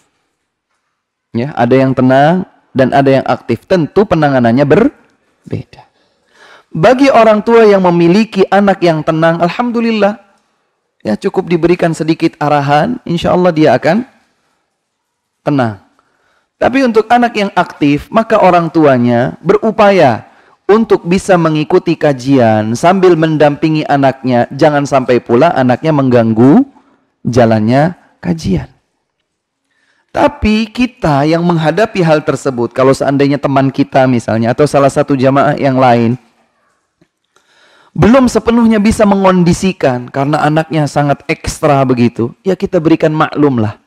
Sekalian latihan sabar, latihan luas hati, lapang dadanya. Kalau perlu didoakan. Kita bantu dia dengan doa, ya Allah mudahkanlah untuk orang tuanya mengondisikan anaknya. Ya Allah tenangkanlah anaknya itu sepanjang kajian agar kita semua tidak terganggu dengan keaktifannya. Dan begitu seterusnya. Atau kalau kita punya sedikit ilmu tentang menenangkan anak, kita nggak apa-apa berbagi. Sengaja dari rumah bawa sesuatu yang menarik buat anak-anak. Ayo anak-anak, ini. Nah, silahkan bermain di sana ya. Kemudian kita fokus di tempat tertentu untuk bisa mengikuti kajian dengan baik. Ini insya Allah sebetulnya tentang bagaimana kita ta'awun. Ya, kita saling menjalin sikap menolong satu sama lain. Yang memiliki anak, alhamdulillah cukup tenang, dia bersyukur kepada Allah, memberikan maklum kepada temannya yang anaknya masih aktif. Sementara yang anaknya masih aktif, dia juga tidak kemudian pura-pura tidak tahu. Nggak boleh begitu ya. Harus peduli terhadap kondisi, jangan sampai anaknya itu kemudian mengganggu. Lalu terus bagaimana Ustaz? Ya coba, misalnya dia mundur di belakang, kemudian mengondisikan anaknya sambil mengikuti kajian. Memang tidak bisa 100% mungkin, tapi setidaknya juga tidak membiarkan anaknya mengganggu yang lain.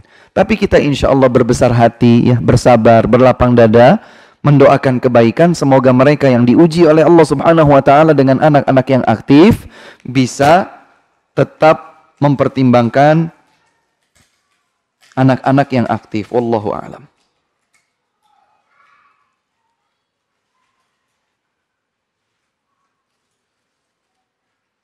Bagaimana menghadapi anak yang sangat pelupa.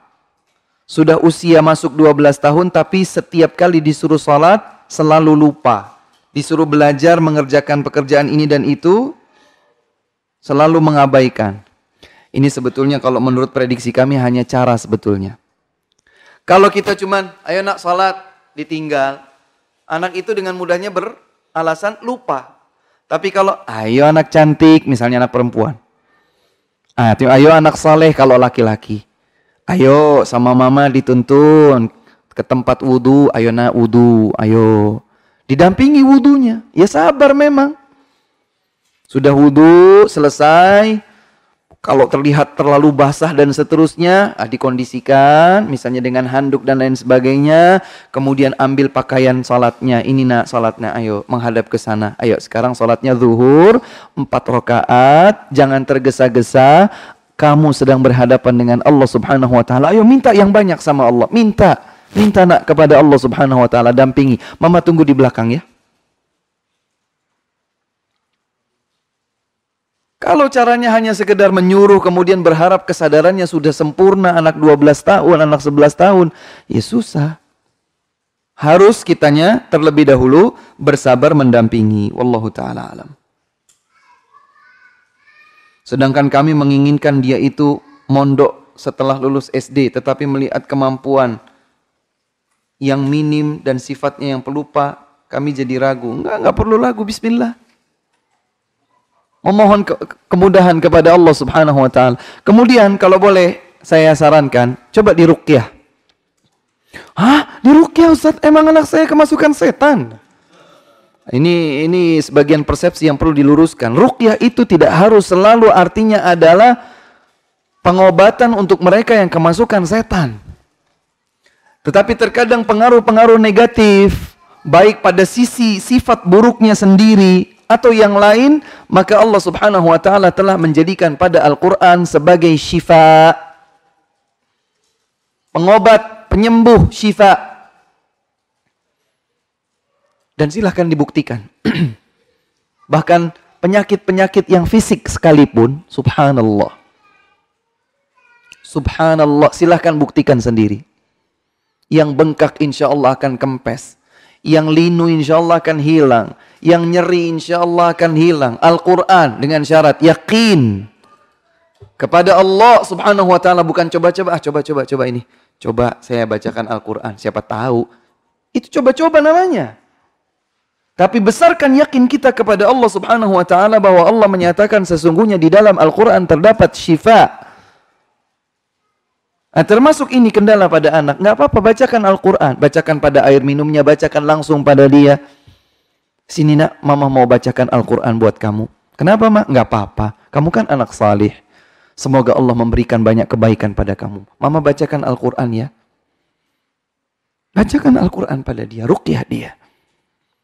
Dan silahkan lihat hasilnya. Semoga Allah subhanahu wa ta'ala memudahkan seluruh urusan kita. Bagaimana cara memberitahu keluarga yang mengidolakan seorang da'i yang berpendapat bahwa masjid adalah pusat peradaban. Sehingga di masjid tidak mengapa ada skateboard, ada stage untuk bernyanyi, religi, dan seterusnya. Kalau pertanyaannya tentang bagaimana cara, maka saya coba sebutkan cara-cara yang bersifat umum. Yang pertama adalah dengan dasar ilmu. Qul hadhihi sabili ad'u ila Allah ala basirah. Yang akan kita sampaikan harus berdasarkan ilmu. Yang kedua, dengan hikmah. Ud'u ila sabili rabbika bil hikmah wal mau'izatil hasanah Wajadilhum billati hiya ahsan. Dengan cara yang hikmah. Yang ketiga adalah dengan lemah lembut. Bukan dengan mencibir. Bukan dengan menyinggung sambil nyinyir. Bukan dengan menyebutkan kata-kata yang menyelekit. Dengan lemah lembut. Yang keempat, diiringi dengan rasa kasih dan sayang. Kita itu ingin dia kembali baik.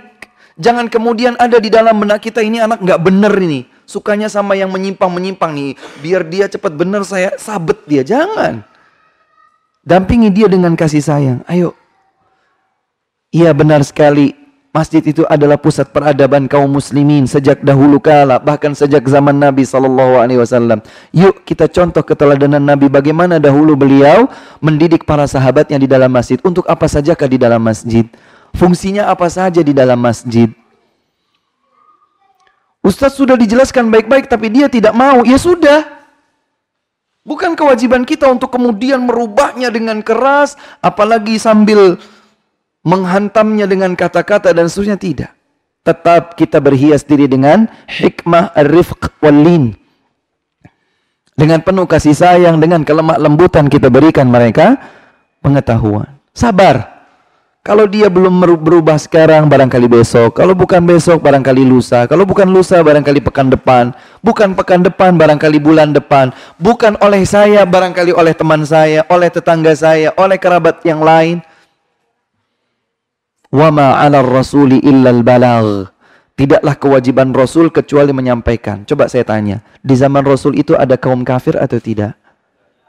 Ada kaum munafikin atau tidak? Ini Rasul sallallahu alaihi wasallam. Tapi apakah kemudian kita katakan bahwa dakwah beliau gagal? Tidak. Kenapa? Karena ada hal tertentu yang tidak boleh kita lupa. Bahwa hidayah ada di tangan Allah subhanahu wa ta'ala. Tugas kita hanya menyampaikan, tugas kita mengajak bukan mengejek. Tugas kita menyampaikan dan menawarkan bukan memaksakan. Semoga dengan itu kita bisa mudah berlapang dada. Wallahu taala alam. Ustadz salatnya wanita lebih baik adalah di rumahnya. Bagaimana jika seandainya yang meng suaminya mengajaknya ke masjid? Bolehkan wanita itu menolaknya dengan alasan tersebut? Kalau suaminya mengajak ke masjid yang enggak apa-apa, yang ngajak suaminya dan untuk ke masjid insya Allah tidak masalah. Iya. Hendaklah dia tidak menolak tetapi menyampaikan. Suamiku, bukankah salatnya seorang wanita lebih baik di rumah? Iya, memang lebih baik di rumah. Tapi saat ini saya ingin mengajakmu ke masjid. Berangkat. Itu bukan kemaksiatan. Itu bukan kemaksiatan, maka yang bukan kemaksiatan, yang mubah. Tetapi ketika diperintahkan oleh suami, maka menjadi ketaatan. Wajib. Lain cerita kalau kemudian suaminya menyuruh yang maksiat. Ya. Misalnya, keluarlah engkau tanpa berbusana. Oh Ya jangan mau, ini perintah yang nggak benar. Tapi kalau kemudian ajakan suami adalah untuk sesuatu yang baik, ayo kita bersilaturahim atau ayo kita salat dulu di masjid, habis itu kita beli uh, sesuatu, kita bisa bagi-bagi kepada anak-anak kita di sebelah rumah, misalnya seperti itu, nggak masalah, ikuti. Selama bukan kemaksiatan kepada Allah, maka kita mengikuti. Tapi boleh kita mengingatkan suami kita. Suamiku bukankah salat wanita di rumah itu lebih baik? pahalanya lebih besar. Iya iya nggak apa-apa. Yuk sekarang ini ke masjid bersama bersama aku misalnya nggak masalah. Wallahu a'lam.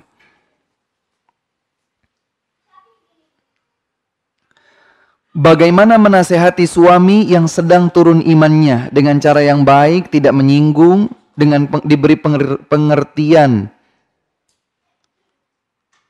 Kalau cara kita itu lebih mengerti sebetulnya tentang kondisi masing-masing dari pasangan hidup kita.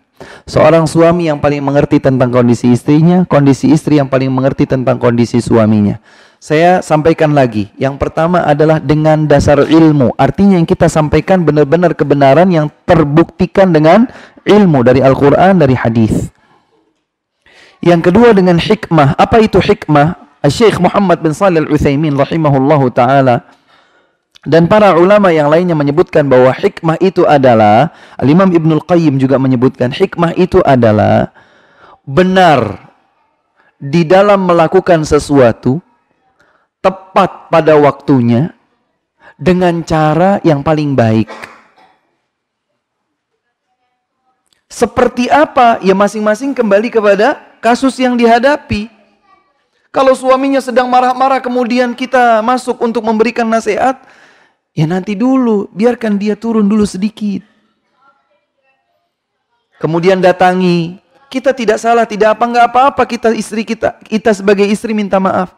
Maaf ya, suamiku atau panggilan sayang yang lain lah apa. Tadi mungkin membuat engkau kesal. Minta maaf ya. Sambil dipijitin. Sudah jangan jangan masuk dulu kepada kepada pokok pembahasan. Belum waktunya. Sudah diservis dulu, ah besok baru sampaikan. Misalnya seperti itu. Kalau yang kayak gini-gini ini cara-cara teknis ini ya masing-masing tahu begitu kan. Tapi intinya bagaimana disampaikan dengan cara yang hikmah, dengan ilmu, dengan kesabaran, dengan penuh kasih sayang, dengan penuh kelemah lembutan. Itu semua adalah kerangka-kerangka yang bersifat umum. Teknis detailnya masing-masing mengetahui waktunya tepat, tepat tempatnya tepat, caranya tepat. Diksi kata yang dipilih tepat, tidak menyinggung. Kan karakteristik orang berbeda-beda. Ada orang yang memang sukanya cukup disindir. Jangan to the point. Sebagian orang lain yang justru sebaliknya. Saya sukanya to the point, gak usah sindir-sindir maksudmu apa? Ada orang sebagiannya begitu. Udah gak usah sindir-sindir maksudnya apa? To the point aja. Ngomong apa? A, B, C, D salah? Iya. Maka cara-cara seperti ini disesuaikan. Maka Syekh Muhammad bin Salih Al-Uthaymin ketika menjelaskan ala basirah ilmu dalam berdakwah itu terbagi menjadi tiga. Al-ilmu bisihhati ma yaqul. Apa yang disampaikannya itu benar. Dia berilmu, punya basirah, punya petunjuk ilmu bahwa yang akan disampaikannya adalah benar-benar ilmiah dan kebenaran. Satu. Yang kedua, dia tahu siapa orang yang dihadapinya. Yang dihadapinya siapa? Suaminya. Berarti dia berkedudukan lebih tinggi dalam perspektif kacamata tuntunan Islam. Suami itu kepala keluarga. Siapa yang dihadapinya perempuan? Oke, perempuan itu tercipta dalam keadaan bengkok. Bengkok memang. Mau diapa-apain bengkok. Perempuan cantik, lembut, cerdas, baik hatinya, bengkok.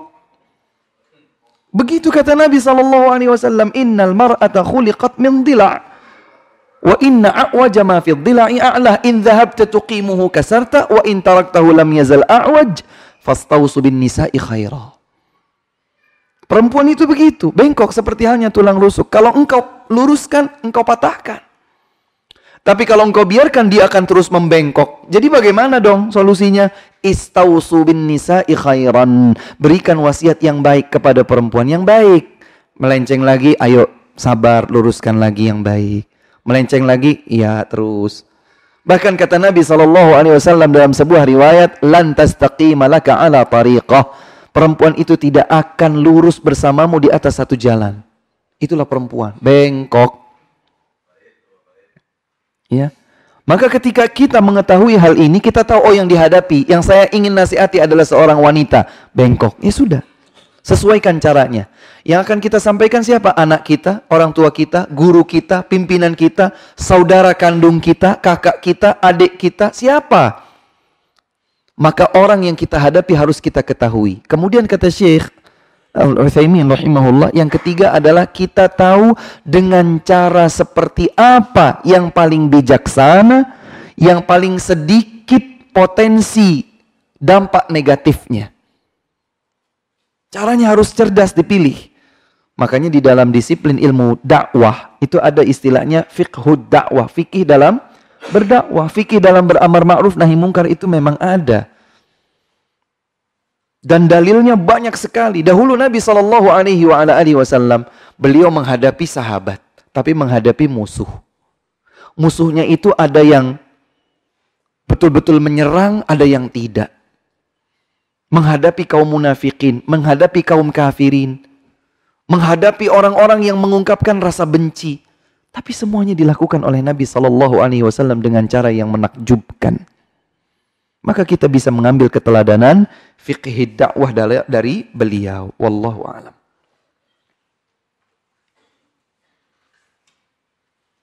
Kalau uh, bagaimana menjawab pertanyaan anak saya yang selalu bertanya kepada saya, kalau Allah sayang kepada kita, kita dapat apa? Ya jelaskan. Kasih sayang Allah subhanahu wa ta'ala itu luas sekali. Bukankah kita dikasih sehat berarti kita dikasih kasih, dikasih sayang oleh Allah?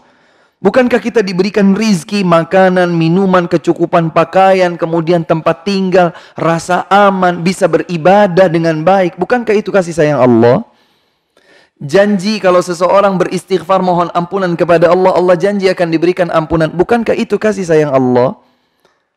Surga bagi mereka orang-orang yang salih salihah, bukankah itu kasih sayang Allah?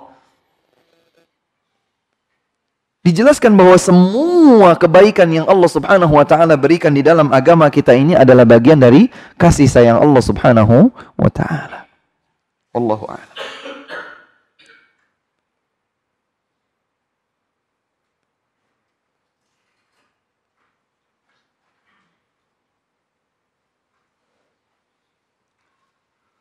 Ustadz saya memiliki tiga orang anak, dua anak perempuan, satu anak laki-laki karena si bungsu laki-laki terkadang sering melihat kebiasaan kakak perempuannya. Bagaimana mulai mengajarkan fitrah sebagai anak laki-laki terhadap anak bungsu sayang. Anak bungsu saya. Kalau kakaknya itu sudah mulai dewasa, pisahkan mereka dari tidur. Dari kamarnya. Kata Nabi SAW, Muru awladakum bis salati wahum abna'u sab' wadribuhum alaiha wahum abna'u ashar wa farriqu bainahum fil madaji' Perintahkanlah, ajaklah anak kita untuk sholat usianya tujuh tahun, dipukul usianya sepuluh tahun, dan pisahkan mereka dari ranjang. Kalau seandainya kita melihat ada indikasi yang kurang baik, kurang terpuji sebelum usia sepuluh tahun, dan solusinya adalah dipisahkan, pisahkan nggak apa-apa, pisahkan ranjangnya, pisahkan kamarnya. Ustadz rumah saya kecil, saya nggak punya kamar khusus buat memisahkan antara anak perempuan sama anak laki-laki.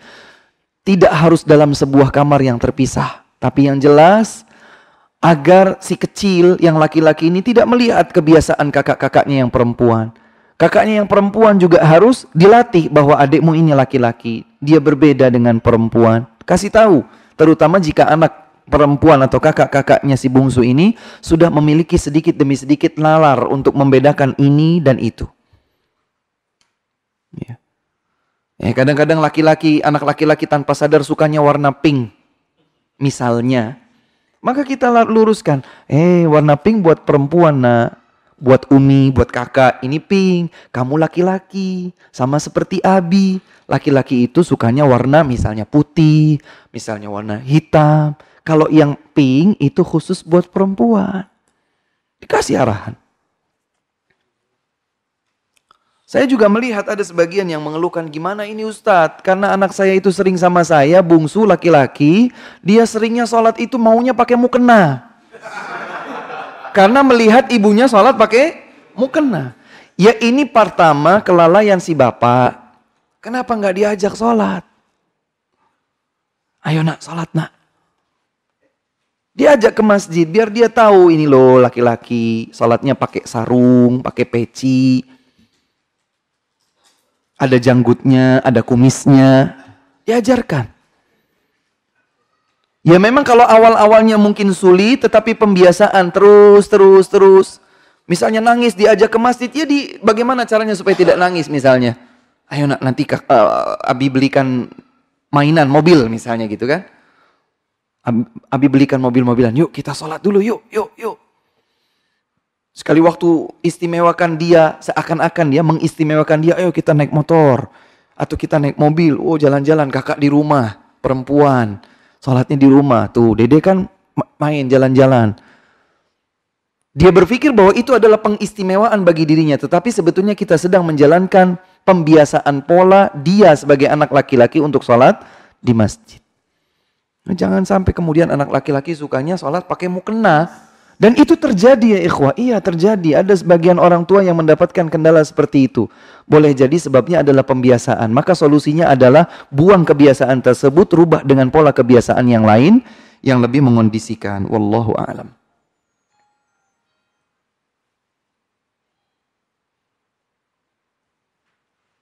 Bagaimana jika sudah menikah 10 tahun, belum dikaruniai anak, semua usaha sudah hampir dilakukan, tiba-tiba ada orang tua yang ingin memberikan anaknya karena kesulitan ekonomi. Yang pertama, alhamdulillah ya. Ketika Allah Subhanahu wa taala berfirman, dialah yang menganugerahkan anak laki-laki. Jadi ada orang yang anaknya laki-laki semua. Kemudian Allah menyatakan, wa yaj'alu inatha, ada yang anaknya perempuan semua. Ada yang memberikannya laki-laki dan perempuan campuran wa minkum dan Allah juga menguji sebagian dari kalian tidak memiliki anak keturunan. Berarti ini adalah ranah prerogatif Allah Subhanahu wa taala. Jangan diganggu gugat. Allah menganugerahkan anak-anaknya laki-laki semua atau perempuan semua atau laki-laki dan perempuan atau tidak diberikan anak keturunan. Ini yang pertama. Kemudian yang kedua, Usaha sudah dilakukan bagus, alhamdulillah. Jika ada usaha, maka ini bagian dari tawakal kepada Allah Subhanahu wa taala. Kalau boleh saya sarankan dan saya cukup percaya bahwa yang bersangkutan sudah menjalankannya, perbanyak istighfar. Perbanyak istighfar. Itulah firman Allah Subhanahu wa taala dalam surat Nuh.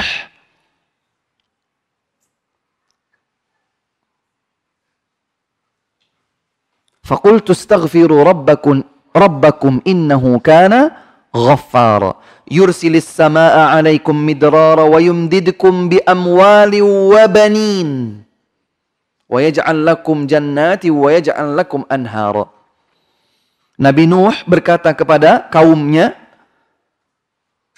dan perkataan tersebut diabadikan oleh Allah dalam Al-Quran dalam surat Nuh. Aku telah berkata kepada mereka, beristighfarlah kalian memohon ampun kepada Allah. Niscaya Allah akan mengirimkan hujan niscaya Allah akan memberikan kalian rizki, niscaya Allah akan melimpahkan kepada kalian anak, memberikan anugerah berupa anak, dan memberikan kalian anugerah berupa kebun-kebun yang hijau dan sungai-sungai yang mengalir. Nah, pernah disebutkan dalam sebuah literatur saya lupa apakah dalam kitab Hilyatul Aulia atau yang lain. Ketika ada seseorang mendatangi Al-Imam Al-Hasanul Basri rahimahullah. Imam Al-Hasan dari kota Basrah di Irak. Ada seseorang datang. Kemudian orang itu mengeluhkan. Imam gimana ini? Sawah ladang saya mengering dan mati. Karena Allah tidak turunkan hujan.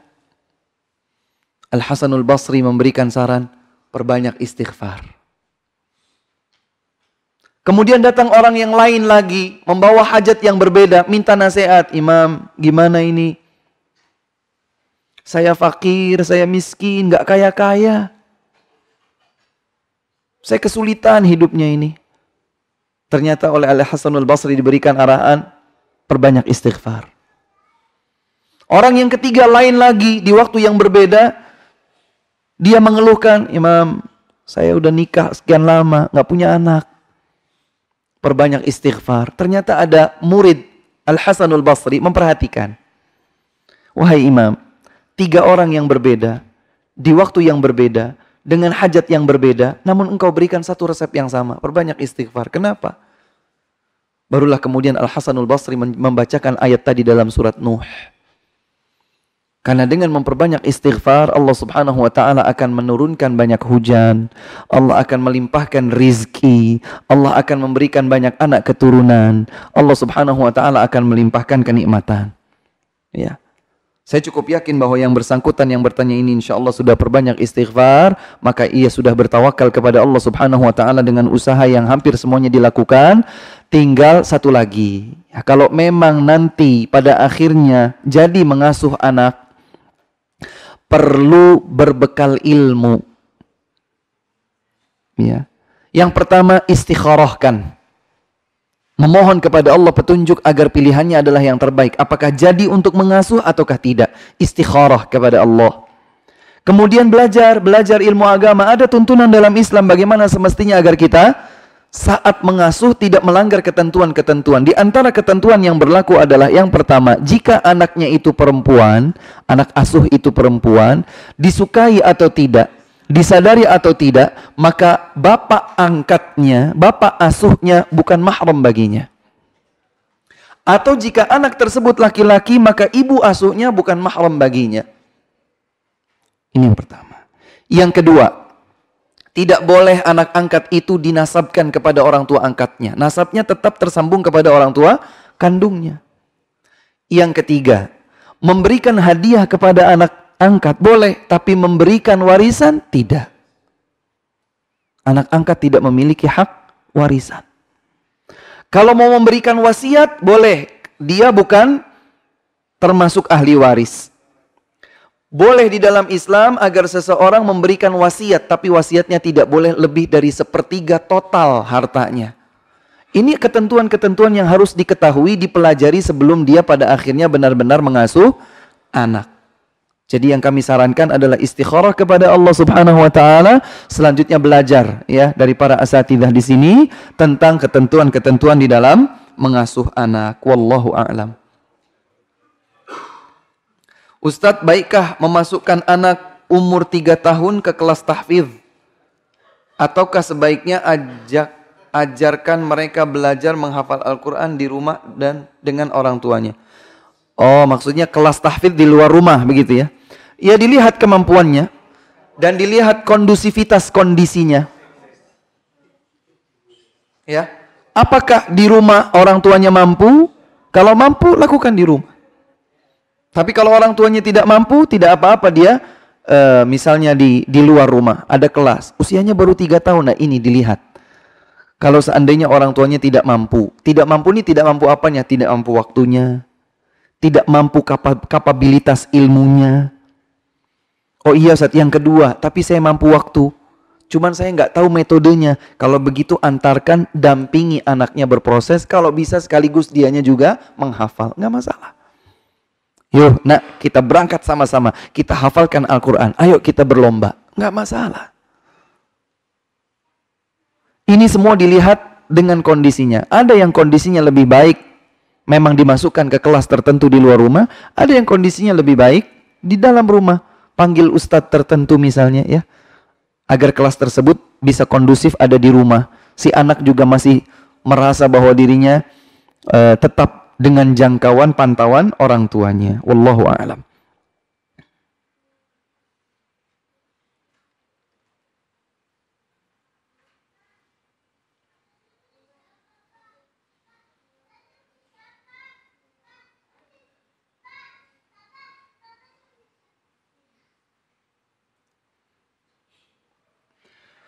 Ustaz saya janda dengan empat orang anak. Dua anak laki-laki dan dua anak perempuan. Pada bulan Oktober mendat pada bulan Oktober 2018 saya mendapatkan titipan dua kakak beradik anak yatim piatu usia 7 dan 13 tahun. Ini luar biasa Masya Allah. Saya berencana untuk memasukkan pondok kakak beradik itu seperti anak-anak saya. Apakah bisa? Mengingat mereka masih terlalu kecil. Untuk mendidik sendiri saya belum sanggup.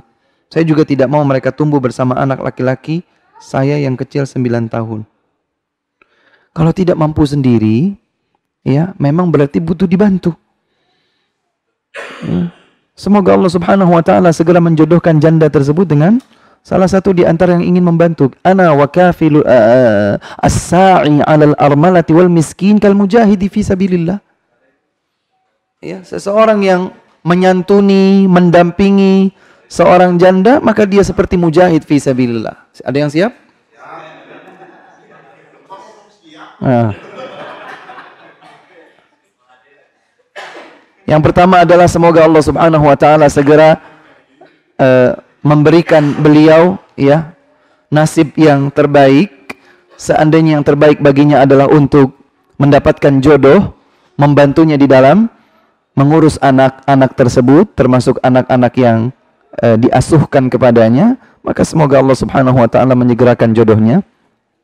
Namun bila tidak, maka jangan selesaikan sendiri, libatkan orang-orang yang sekiranya bisa membantu. Ya, libatkan sekiranya ada orang-orang yang bisa membantu. Kemudian e, memang kalau bukan mahram, maka sebaiknya sejak kecil sekalipun agar tidak berkondisi berkondisi tercampur sejak kecil ya diupayakan karena bukan mahram kecuali mohon maaf kalau janda ini masih bisa menyusui maka anak sambungnya itu atau anak asuhnya tersebut disusui agar menjadi saudara persusuan bagi semua maka menjadi mahram tapi kalau sudah tidak bisa menyusui sudah tidak bisa memberikan susuan kepada anak sambungnya, anak asuhnya, maka sejak kecil memang perlu ditegaskan agar di antara mereka anak-anak ini bukanlah mahram. Berdoa kepada Allah Subhanahu wa taala semoga Allah memberikan jalan keluar yang terbaik. Cukup insya Allah. Ini yang dapat kami sampaikan, kurang dan lebihnya kami mohon maaf. Kebenaran hanya datang dari Allah Subhanahu wa taala, kekeliruan adalah keterbatasan manusia. Semoga Allah Subhanahu wa taala mengampuni dosa-dosa kita semua. Semoga Allah Subhanahu wa taala memberkahi ilmu kita, memberkahi sisa hidup kita di jalan ketaatan kepadanya. Semoga Allah Subhanahu wa taala mewafatkan kita dalam keadaan husnul khatimah. Semoga Allah Subhanahu wa taala memasukkan kita ke dalam surga yang tertinggi Al-Firdaus bersama Rasulullah sallallahu alaihi wasallam. Allahumma amin. Subhanakallahumma wa bihamdika asyhadu an la ilaha illa anta astaghfiruka wa atubu ilaik. Wassalamu alaikum warahmatullahi wabarakatuh.